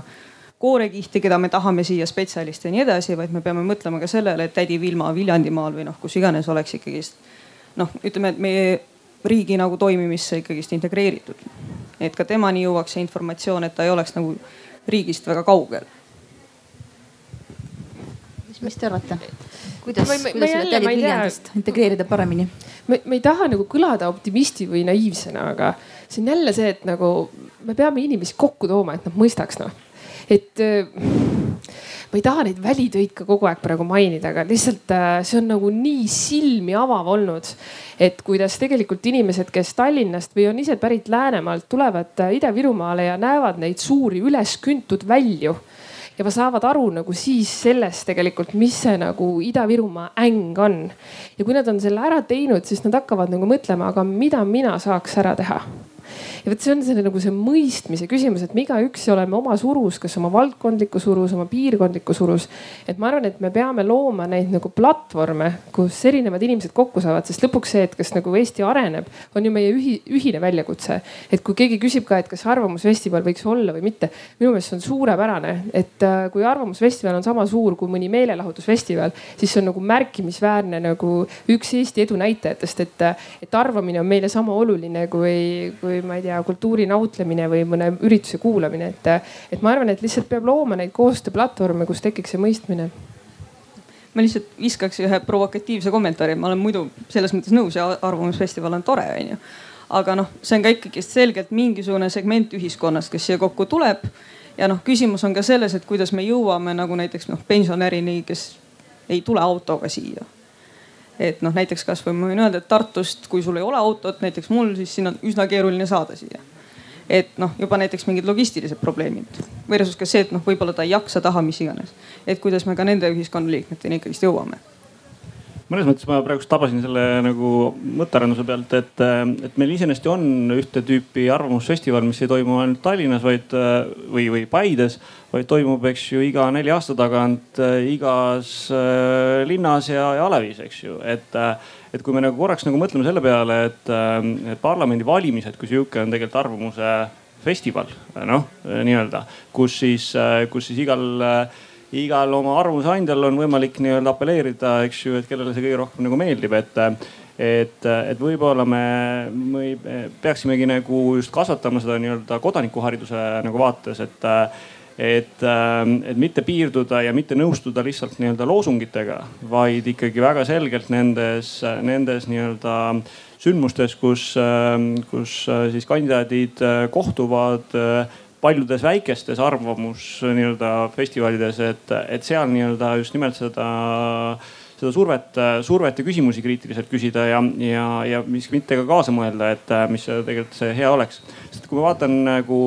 kuidas poliitikud nagu toimetavad, siis aina rohkem nad tegelikult on ära tabanud, et edu saavutab see, kes on võimalikult palju nagu üks-üks kontaktis. et, et see aeg on nagu möödas, kus lihtsalt nagu plakatiga midagi sai, et, et noh, see on nagu täiesti möödanik. et, et, et, et tegelikult seda Arvamusfestivali on palju rohkemates kohtades kui Paides ja Tallinnas ja, ja aga mitte ilmselt ei tasu ka meil nagu rahulduda sellega, et meil oleks ainult need parlamendivalimistel nii-öelda arvamusfestivalid äh, igas külas ja linnas, vaid just nimelt soodustada sellist, äh, sellist nii-öelda kohtumisi, kohtumisi ja, ja läbimisi, sest et äh, öeldakse niimoodi, et mida rohkem ideid nagu jagad, selle pealt ehitad nagu uut ideed nagu peale ja siis on nagu võti selles, et mine tee ära, et ideid nagu jagub, aga, aga ärategijamist on nagu vaja ka hakata julgustama. Piret, sa tahad midagi öelda? lihtsalt äh, eile õhtul istusin äh, oma väikse linna inimestega koos ja siis meil oli ka selline natukene eelarvamusfestival juba täna selle sissejuhatus ja siis mul mees, kes siin ka lapsega ringi kõnnib, ütles väga hästi, et Piret, et teil on arvamusfestival, et aga kas teil on nagu teadmusfestival ka, et kõik arvavad aga et kui paljud neist inimestest teavad? Ja ma mõtlesin, et see oli nagu päris, päris hea mõte, et, et ma arvan, et ainult äh, sellele üles ehitada, et mida me millest arvame, on üks asi, aga et ma arvan, et see teadlikkuse kasvatamine ka nagu päris asjadest, et, et seesama noh mis ma oma valdkonnas tunnen, et me oleme innovatsiooni ja kogu seda digilugu tegelikult väga vähe ära kasutanud. et ka sellise teadmise kasvatamine mingites valdkondades, mis on tuleviku mõttes hästi oluline, on minu meelest nagu väga oluline. et ainult mitte tõesti arvamine, aga ühest küljest ärategemine ja teisest küljest selle nagu teadmiste kasvatamine ka just, et see võib-olla tõesti tead, teadmiste festival ja siis veel tegijate festival, et kes kõik need, need asju, asju ellu viib, aga seal jah, palun kommentaar. ühe tuleviku perspektiivi ennustuse ma juba tegin, et Tallinn versus äh, muu maa, äh, muu Eesti tuleb räme lõhe, siis ma teeks hea, hea meelega ühe teise ennustuse veel. et äh, suure tõenäosusega aastaks kaks tuhat kolmkümmend viis tekiva äh, üks õnnetute liik juurde on digitaalselt maha jäänud.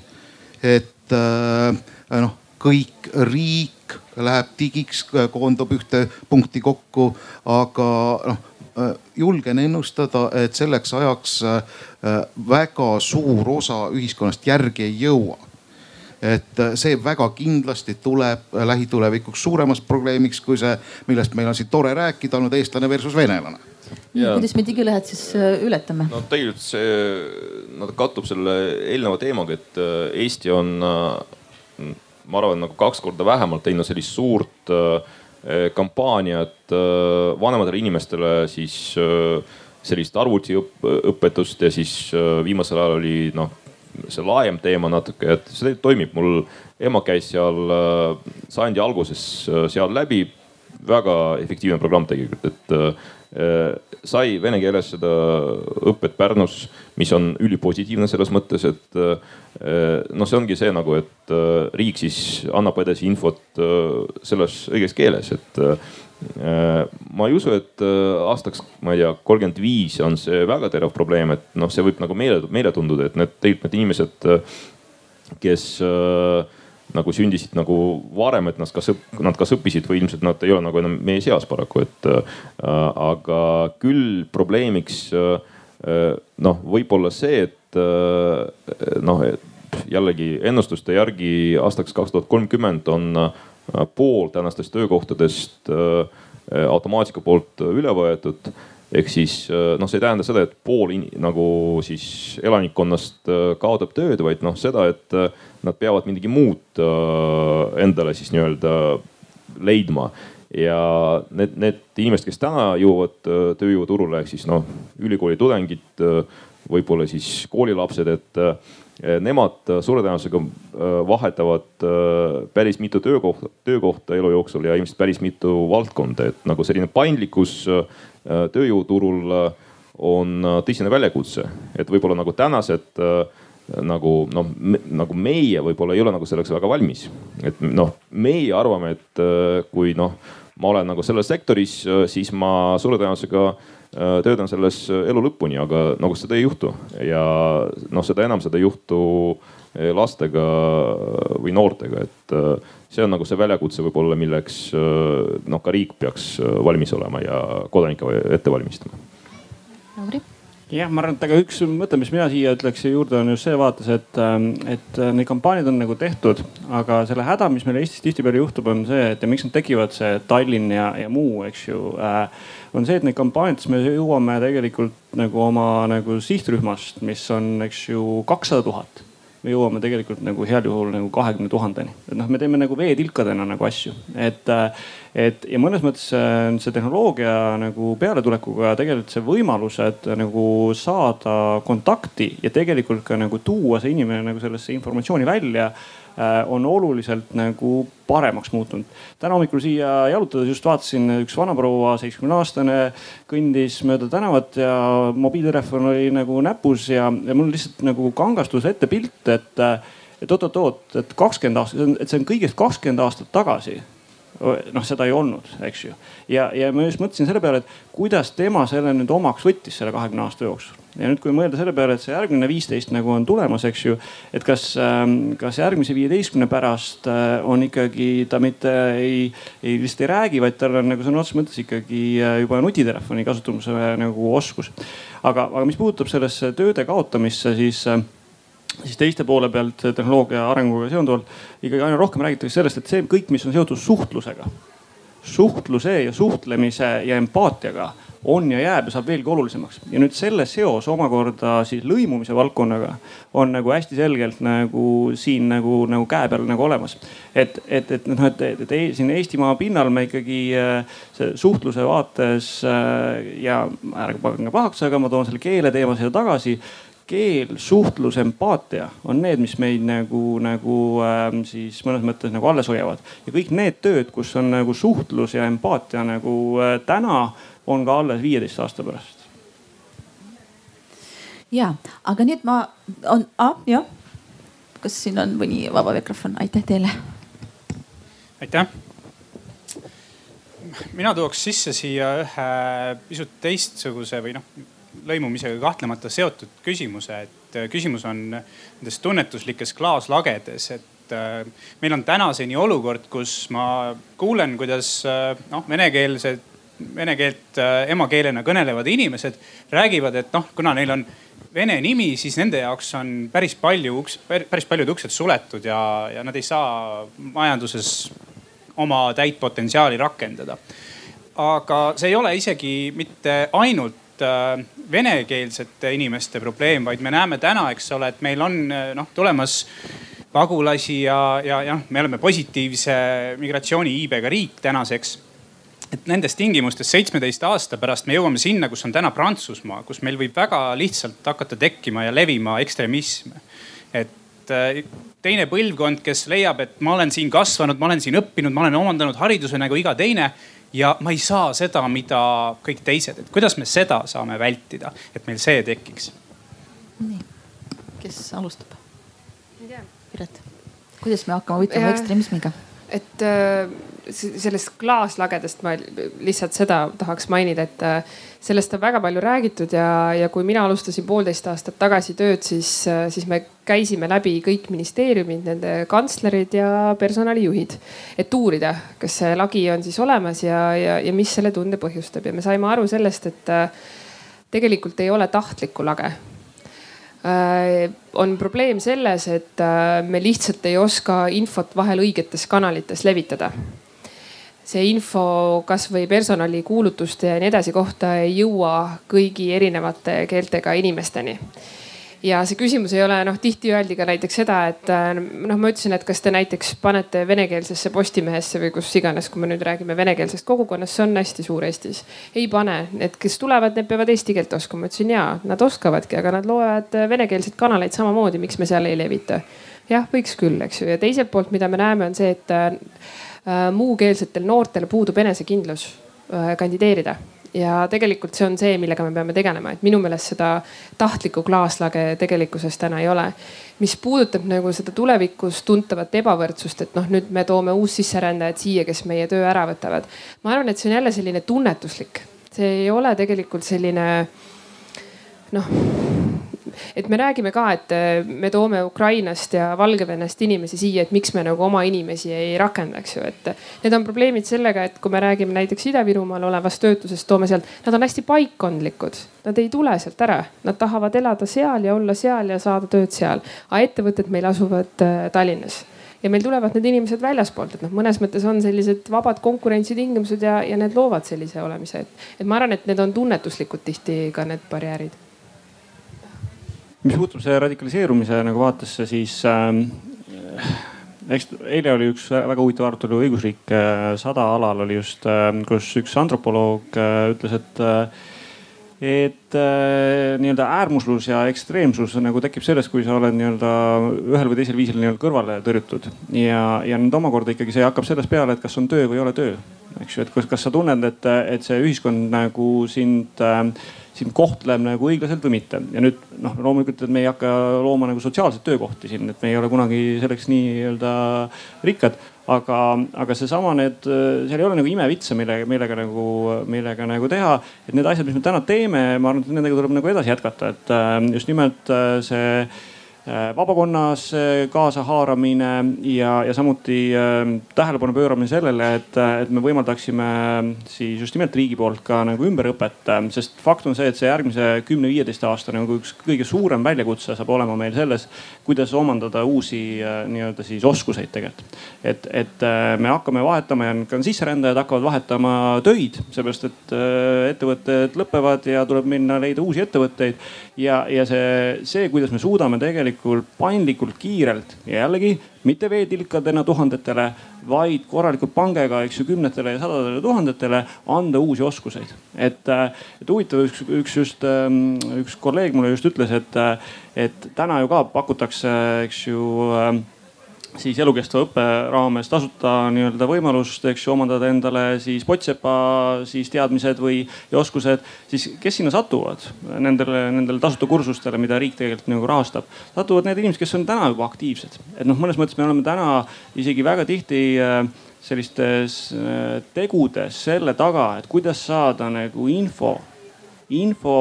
ja, ja nii-öelda siis, ähm, siis nii-öelda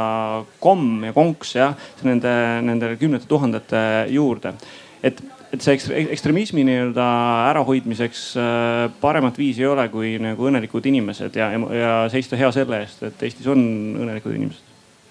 ja no ma arvan, see küsimus oli pigem selline segregatsiooni nii-öelda taastootmine, et kui tulevad siis äh, välismaalt inimesed, äh, siis nende lapsed võib-olla tunnevad, et, äh, et see ei ole nende riik ja noh, nii, nii see nagu jääb ja nii edasi ja nii edasi, et äh, no see on suhtumise küsimus, et ma arvan, et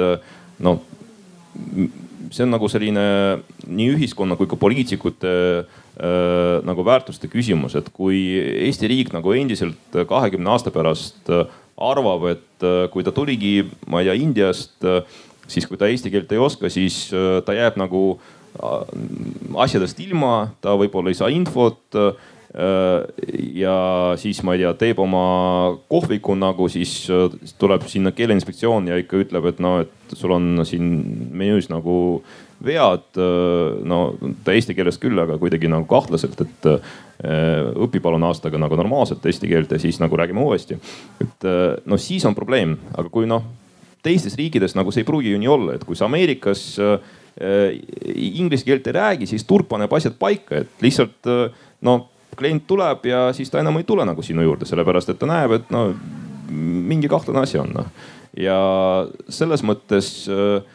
see on suhtumise küsimus, ma arvan, et Eesti riik peab olema selline nagu nii-öelda kliendikeskne, et äh, kui Microsoft äh, tõlgib oma nagu Windows tarkvara eesti keelde, siis ta ei tee seda sellepärast, et ta väga armastab eesti keelt, Eestit ja nii edasi, ta võib seda rääkida muidugi, aga see puht pragmaatiline põhjus, et ta tahab olla siis noh, ta tahab pakkuda paremat teenust. Ja Eesti riik peab täpselt samamoodi lähtuma sellest, et ta peab sellele äh, siis äh, ilmselt nagu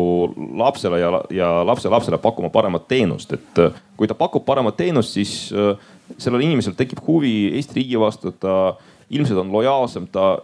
jõuab ka ise nagu selleni, et ta võib-olla õpib eesti keelt, võib-olla saab ilma hakkama, aga ta toob palju suuremat, suuremat väärtust Eesti riigile võrreldes sellega, mis ta täna võib tuua ja see on puhtalt nagu valikute küsimus. jah, aga nüüd meil on jäänud natukene aega ja ma tahaks viimase teemana minna natukene teises suunas ja rääkida strateegilisest planeerimisest. et me oleme siin rääkinud päris palju erinevatest probleemidest, võimalikest lahendustest, teemadest ja nagu te näete, nagu ma juba alguses mainisin ka, et lõimumine on väga horisontaalne. me rääkisime tööst, uuest tööst, keelest, majandusest, regionaalsest arengust ja nii edasi. et praegu, praegune süsteem on selline, et meil on olemas lõimumiskava mis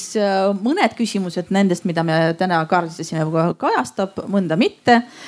Ja nüüd on koostamisel uus kava. Aga mis te arvate, kas on see nagu õige tee, kas me peaks niimoodi seda planeerima, kas me peaks lähtuma sellisest valdkonnast, mis on meil riigieelarve seaduses sees, lõimumine ja, ja, ja, ja kodakondsus Äh, ja siis äh, ehitama uut lõimumiskava või ähm, ja no tegelikult te võite siin seinte peal, see, see ei puuduta meie diskussiooni, see nüüd on järgmise diskussiooni äh, osa, et meil on üle neljakümne erineva arengukava ja, ja programmi ja tegevuskava, mis kõik nagu paneb paika, mis need eesmärgid ja sihid on ja kuidas me peaksime nende sihtideni jõudma. või peaks kuidagi teistmoodi või hoopis peaks loobuma arengukavadest, nagu seda tegi Šotimaa, neil on kahe lehele, lehekülje peal mingisugune selline baasvisioon ja lähtudes sellest visioonist need siis oma riiki juhivad ja, ja, ja tegevusi planeerivad. et mis, mis, mis, mis te arvate, kas loobume lõimiskavast või, või teeme kuidagi teistmoodi? ma selles mõttes toetaks äh, seda empaatia nii-öelda mõtted, et äh, noh, tõepoolest tulevikus, et ütleme, kui äh, eelmisel sajandil oli IQ nagu väga tähtis näitaja, siis tänapäeval me räägime EQ-st, eks ole, et inimene peab mitte ainult nagu tark olema, vaid ta peab nagu teistest inimestest aru saama, et emotsionaalsed, eks ole. Äh, Eesti riigi empaatia täna nagu väga kõrge ei ole, ütleme niimoodi, et äh, noh, pehmelt öeldes, et ma arvan, see on see põhirõhk nagu, kuidas Eesti võiks areneda. et Eesti empaatia võiks olla kahekümne aasta pärast tunduvalt suurem, et IQ võiks nagu kasvada oluliselt, et siis meil ei ole mingisugust strateegiat vaja, siis me lihtsalt näeme, et inimesel on probleem, no riik näeb, et inimesel on probleem ja leiab siis no parima lahenduse selle probleemi lahendamiseks, et täna äh, ta pigem vaatab tema peale niimoodi, et okei okay,, nagu sul on probleem, aga, aga no see on sinu probleem, aga mul on terve rida muid äh, jamasid, mis, mis mina pean lahendama, et äh, ta nagu ei lähtu empaatiast, vaid ta lähtub nagu sellest, mida, no kuidas tema asju näeb, et ta sellepärast võib-olla ei saa aru, äh, mis on selle hindu mure, kui ta siia tuleb, sellepärast et see ei ole tema mure, see on nagu teise inimese mure. aga empaatia toimib teistmoodi, nii et äh, see võiks olla nagu selline riigi jaoks peamine suund lähiaastateks ja äh, olles näinud neid plaanide koostamisi ja ümberkoostamisi, arutelu äh, ja vaidlust ühe ja teise sünonüümi vahel nendes plaanides, siis äh, siis minul on äh, siia ütlen, ütlen siiralt ja ausalt äh,, on usk vähene nendesse äh,. ja, ja, ja kontekst nagu selles Šotimaa suhtes vaadates seda Šotimaa nagu ühte nagu lehte, siis ma ütlesin, no võta ära sõna Šotimaa, kirjuta asemele Eesti või kirjuta asemele Läti, sobib igale riigile. et, et noh, mõnes mõttes äh, nendes plaanide puhul vast äh, see keerukus seisnebki selles, et mitte rääkida sellest, mis on nagu üldmõistetavad ja arusaadavad, mille poole me nagu ühiskonnana nagu tervikuna nagu äh, ikka suurelt osalt kõik ühtemoodi nagu mõistame, et oleksime siin õnnelikumad, turvalisemad, loodus oleks puhtam äh, ja kõik need ilusad asjad. Aga see on see keerukuse koht tekib selles, et kuidas küsimus vastusele, eks ju, et mis muutuseid, eks ta olemulikult me oleme ju muutuste nagu äris. Või noh, muutuste, muutuste nagu teemas, et mis muutuseid me tahame teha? Ja, ja, ja, ja, ja kuidas me need muutused tahame, tahame teha? Ja, ja noh, selles vaates äh, seda lõimumist nagu vaadelda ja adresseerida on vaja, sest kui ma vaatan sellele äh, sellele praktikale otsa, kuidas nii-öelda see avaliku halduse masinavärk nagu ennast nagu noh, nagu aeglasel tempol, aga kindlas nagu kogu aeg kiiruses nagu rihib. siis, siis võta või jäta seal ikkagi sihuke esimene mõtestamine, mis, mis toimub, eks ju ministeeriumides ja ka, eks ju poliitikutes äh, toimub läbi selle, et mis on selle minu vastutusala nagu eesmärgid ja, ja mis on see minu vastutusala äh, muutused, mis ma siin tahan teha ja, ja noh, see, see teine küsimus sellest, et, et, et kas see omakorda avaldab nagu negatiivset efekti lõimumisele või siis, äh, või siis puhtale loodusele, see jääb alati nagu kuidagi nagu noh tahaplaanile. et, et, et, et, et seetõttu ähm, selliste äh, selliste kavade, no ma räägin vastu oma esimesele nagu väitele küll, eks ju, aga, aga selliste kavade ja plaanide koostamine aitab teemat nagu tõstatada eks ju. et, et on aegu, kus on ka tõstatatud selliseid kavasid, et kuidas Eestis nagu liblikaid rohkem oleks. Ehm, on üks sihuke nali ametkonna vähemalt sees, siis, siis tõsi, noh sellest äärmusest me oleme nagu välja tulnud, eks ju. aga, aga, aga selliste kavade koostamine aitab nagu teemat nagu pilti võtta ja seda nagu läbi arutada ja otsida seda parimaid nagu neid äh, ideid, kuidas muutust ellu viia aga Piret, sina seda vead, mis sa sellest üldse ikkagi vead? Et äh, kõigepealt ma tahaks öelda, et äh, vahel mul on tunne ja, ja selles mõttes ma olen olnud nagu, ma ei ole selles valdkonnas nii pikalt olnud ja mul on olnud äh, hea, et ma olen seda näinud nagu kõrvalt või tulnud nagu kõrvalt. et tihti on meil hästi palju kavasid, aga meil plaani ei ole et meil on kava, meil on mõõdikud ja nagu üks ametnik kunagi ütles väga hästi, et, et selleks, et nagu läbi pureda, pead lisaks eesti keelele oskama kantseliiti onju et äh, mõõdikuid on nii palju, et tegelikult sa ei saa aru nagu, mis seal kirjas on. ja kui sa nagu, kui sa küsid ametkonna käest, et nüüd meil on äh, näiteks äh, see ressurss raha, et kuhu sa nüüd investeeriksid selle kava alusel, et meil on üks asi, vali välja ei tea, sellepärast et mõõdikuid on üle kolmekümne, aga prioriteeti ei ole. miks me seda teeme, mis see kõige olulisem selles on? Et äh, ma, ma nagu väga austan kõiki neid, kes neid on teinud ja need ongi, see protsess on tegelikult vahel olnud võib-olla isegi olulisem kui lõpuks see nagu dokument, aga ma, mul on tunne, et meil on vaja rohkem selliseid plaane, millesse me nagu usume. et selle kava raames tekib üks, kaks, kolm nüüd me hakkame sinna jooksma. et vahel on nad nii keerulised, et, et inimesed, kes kõrvaltvaatajana tulevad, tegelikult ei saa sellest aru et äh, ma ise nagu olen hästi kindel selles, et neid tegelikult on vaja ja, ja ma usun ka, et seda uut lõimumiskava on vaja vähemalt ühte veel. et me ei ole veel nii valmis, et öelda, et äh, laseme nagu lihtsalt voolul minna. et ma, mul on tunne, et me peame ikkagi nagu tegema veel kokkuleppeid, et, äh, et siin asjad juhtuksid. aga, aga jah, et et, et selles mõttes ma nagu väga pooldan seda, aga ma, ma tahan öelda ka seda, et need plaanid ja strateegiad ja kavad, nad ei tohi saada meile ka takistuseks. et äh, kui ma alguses tulin ja me mingeid asju tegime, sellepärast et me tundsime, et see on õige, siis küsiti minu käest, et äh, kuule, kas seal valitsuskoalitsioonileppes on see kirjas või kus see kirjas on ja mis ajaks me peame selle ära tegema. ei ole kirjas tuleb ära teha, sellepärast et see on oluline. et, äh, et me ei tohi nagu jääda nendesse ka kinni, et ka nagu aasta või paari jooksul võib juhtuda asju, millele on vaja reageerida. et me tihti kirjutame ennast nii kinni, et meil nagu päris asjadeks ei jää aega, et seda me ka ei tohi teha. et, äh, et noh, seesama, et kirjutame olulisemad asjad ja paneme selle visiooni paika, aga ära, ärme kirjuta ennast nii kinni, et me lõpuks nagu lihtsalt teeme asju sellepärast, et meil nad kuskil kirjas on. et see on sihuke kahe otsaga teema, aga, aga üldiselt ma arvan, et praegu on vaja nii, aga ma küsin publikumi käest, kas, kas keegi teist on kunagi mõnda riiklikku arengukava lugenud. ma ei küsi lõimufesti kakskümmend kakskümmend, aga kas on siin keegi, kes, kes on huvi tundnud selle kohta, mida siis riik plaanib teha järgmise viiekümne või kahekümne aasta jooksul? ei ole? aa, on, ikka on, ikka on, no mõned on, tõenäoliselt on riigi, riigiametnikud, eks ju. et ei ole, ahaa, siin on mõned riigiametnikud ja mõned mõnest teisest valdkonnast. et äh, palun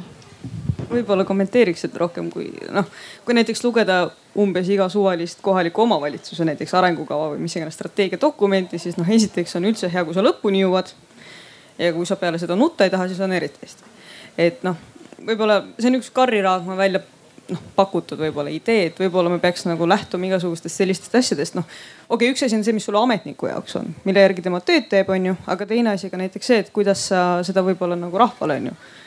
selgitada. Et ma mõtlen, eelmine suvi tehti Rõuge vallas tehti näiteks ettevõtlusstrateegia ja siis nad leppisid kokku, et okei okay,, sul oli küll dokument, ma ei tea, mis teil võib-olla kakskümmend lehekülge, aga siis nad tegid ka ütleme selle mm, graafilise nagu kujutise, eks ju. leppisid kokku neli mingit põhisammast, mis nende strateegias on võib-olla kõige olulisemad, mille peal kogu see asi seisa, seisab ja noh, ja siis panedki oma ilusale ühele A4-le ja see, kes noh, enam-vähem huvi tunneb, aga ei viitsi kolmkümmend lehekülge läbi lugeda, siis noh vaatab peale, saab enam-vähem vähemalt aru. et noh, see on ka selles mõttes sellesse teemasse, et kuidas riiki ja nagu inimesi võib-olla lähendada. et meil ei ole noh, mingid strateegiad ja dokumendid, mis on põhimõtteliselt sahtlisse kirjutatud või lihtsalt noh näpuga nagu järge ajamiseks, vaid sellised, mida, mis nagu reaalselt toimivad ja millest nagu inimesed võib-olla ka rohkem huvituvad, sest nad lihtsalt saavad sellest aru. no seal on nagu kaks aspekti, esiteks tõepoolest need dokumendid on hästi igavad, et mina olen küll, küll neid läbi lugenud. näiteks no sa loed läbi nagu saad enam-vähem aru, millest jutt käib, aga noh, tegelikult nagu kui sa lõpuni jõuad, siis sa juba unustad, millest sa alustasid. ja äh, ma mäletan äh,, mul üks, üks selline kogemus oli, et kunagi noh, kümme aastat tagasi äh, tahtsin äh, esineda ühel suurel konverentsil ja saatsin tuttavale, kes seda konverentsi korraldas, see oli TechCrunchi konverents, seal noh umbes nagu viis tuhat äh, pealtvaatajat ja noh, see oli hästi suur, et saatsin talle nagu kolm lauset põhimõtteliselt, et no ma tean, et äh, noh, nii see käib, et sa pead nagu kohe alguses ütlema, et noh, mis see point on ja nii edasi. ta ei vasta. ja siis ma nagu mõtlen, et no kuidagi nagu kahtlane, et nagu helistan talle, küsin, et no sa ikka ja, ja ma sain su meili kätte, aga ma nagu esimesest lausest nagu ei saanud aru, et mis see, mis see nagu idee oli? ütlesin, no teises lauses nagu ma panin kirja seda, nagu esimene oli ikkagi nagu tere ja nii edasi. aa ei no, et äh, oleks hea, kui sa nagu esimeses paned, muidugi tule esineja, aga, aga järgmine kord nagu ürita nagu lühemalt nagu seda, seda kirja panna. ma ütlesin, no kurat küll noh, et äh, aga see on nagu selles mõttes õige nagu nagu suund kokkuvõttes, et äh, kui sa ikkagi paari-kolme lausega nagu ei ütle, millest sa nagu tegelikult tahad rääkida, siis no see on jama. inimese tähelepanu tänapäeval kaob kohe noh ta saab aru, see on mingi igav asi nagu no ta võib-olla isegi loeb seda sellepärast, et talle makstakse palka selle eest. aga ega tal hea meel selle üle ei ole, et noh, inimesed ei kirjuta niimoodi nagu, nagu, nagu kirjanikud, nad kirjutavad nagu teisele inimesele, nad kirjutavad sellepärast, et neil on see kohustus lihtsalt. ja teine probleem on see, et, et see vastutusvertikaal on kuidagi nagu kadunud viimasel, viimasel ajal, et äh, inimesed kirjutavad, nad üritavad arvestada erinevate osapooltega ja see dokument, mis välja tuleb, äh, no okei okay,, nagu valla ettevõtlusstrateegia tõepoolest, no ega seal väga palju ilmselt olla ei saa. aga kui me räägime ikkagi noh suurtest asjadest ja no lõimumine on kahtlemata nii rahalises, ajalises äh, mõistes nagu suur asi, siis äh, tegelikult nagu võiks ju mõelda, okei okay,, nagu kui mina äh,, kui mul oleks äh, võimalus teha kõike, mis ma õigeks pean. ja ma ei pea üldse nõu pidama, ma ei pea arvestama teistega, siis mis, mis ma teeks? et inimesed tegelikult seda ei küsi tavaliselt. Nad lihtsalt kirjutavad seda, mis noh, sealt tuleb sisenina, sealt tuleb sisenina. no kokkuvõttes tuleb täiesti mitte midagi ütlev dokument, mida parem lihtsalt ei oleks nagu kui noh, nagu iga, iga, igas mõttes aja, paberi ja nii edasi säästmiseks oleks see palju parem. et sellist nagu vastutuse võtmisest on vastu, vastutuse võtmist on tänases Eestis üsna vähe. et seda võiks rohkem olla, aga ma, nagu ma saan aru, et poliitikud kardavad enda häälte pärast, ametnikud kardavad oma töökoha pärast ja nii edasi, et nii see natuke nagu läheb selliseks no ütleme sisutühjaks, et sellest on natuke kahju. tahad lõpetuseks öelda midagi? ja ma ütleks ühe asja lõpetuseks, et äh, ta läheb natuke strateegiast nagu kaugemale, aga see on üks äh,, üks äh, asi, mis mina ütlen, et on nagu Eestis veel kasutamata võimalus ja see võimalus on äh, on selline, mille kohta tegelikult äh, teistes riikides on kasutajalood äh, nagu olemas, kus see on tegelikult edu toonud ja see on seotud lihtsa asjaga nimega psühholoogia. et täna juba rääkisime sellest, sellest samast lühidusest ja selgusest. et see võimaldab tegelikult oma, oma, oma siis klienti panna nagu käituma nii, nagu sa soovid aga, aga märksõna behavior nii-öelda science ja behavior economics on selles mõttes need, need aspektid, mida nagu Eestis ei ole väga palju avalikus halduses nagu käsitletud, ehk siis käitumispsühholoogia ja, ja selle nagu kasutus, et, et siin viimasel ajal on palju räägitud liikluse ja, ja liiklusega seonduvast, liiklusohutusega seonduvast, siis, siis otsisin välja seda materjali, mis inglased on teinud. Nad tegid täiesti tõenduspõhise nagu kontrolli selle üle, et kas panna nagu ühele üks täiendav nii-öelda politseipatrull äh, siis äh, kiirust mõõtma ja, ja siis rikkujaid karistama või paigaldada sinnasamasse asukohta hoopis ähm, kiirustabloo, mis näitab, eks ju, punaselt äh, su kiirust, kui sa seda ületad ja, ja roheliselt siis äh,, kui sa sõidad nagu piirkiiruses. ja tõenduspõhised tulemused näitasid seda, et see viimane oli mõjusam äh,. et äh, ja mis see siis juhtus, juhtus see, et see oli äh, sihuke nii-öelda inglise keeles äh, lihtne nelik, eks ju East, et ta oli easy, ta oli lihtne, ta oli attractive, ta oli nagu atraktiivne, ta oli social ehk siis äh, ta oli nagu sotsiaalne, et äh, sa said ka nagu vaadata, et kas sa olid nagu siis äh, enamuse grupis või vähemuse grupis ähm, seesama tabloo pealt. ja oli timely, ehk siis ta oli selles samas ajahetkes, eks ju. et lihtne, atraktiivne, sotsiaalne ja, ja just ajakohane. ja, ja kui me sihukese nagu käitumispsühholoogia nii-öelda siis võimalusi hakkaksime rohkem rakendama ka avaliku halduses, siis ma usun, et meil suudaksime, suudaksime vähemaga teha oluliselt rohkem. Nonii, aga ma arvan, et sellisel positiivsel noodil äh, me lõpetame meie diskussiooni. ma väga tänan kõiki, kes äh, said tulla, ma tänan meie paneliste Piretit, Laurit ja Andreid, teeme neile aplausi. Ja see, teeme aplausi ka teile endale, suur tänu teile sellise aktiivse osalemise eest ja aktiivse kommenteerimise ja küsimise eest et äh, siin koosloomealal arutelud jätkavad, kell kaks on juba siin ingliskeelne arutelu just äh, strateegilise planeerimise mm, kohta ja, ja sellest, kuidas siis äh, Šotimaa mm, äh, loobus oma arengukavadest ja, ja läks üle teisele süsteemile. kui teid äh, see teema huvitab, siis palun äh, jääge siia või tulge, tehke väike jalutuskäik ja tulge ja tulge tagasi. Ja tegelikult koosloomealal tegevused jätkuvad kuni kella seitsmeni, nii et kui teil on huvi, siis palun vaadake meie kava ja, ja tulge õigel ajal tagasi, nii et suur tänu teile kõigile, aitäh.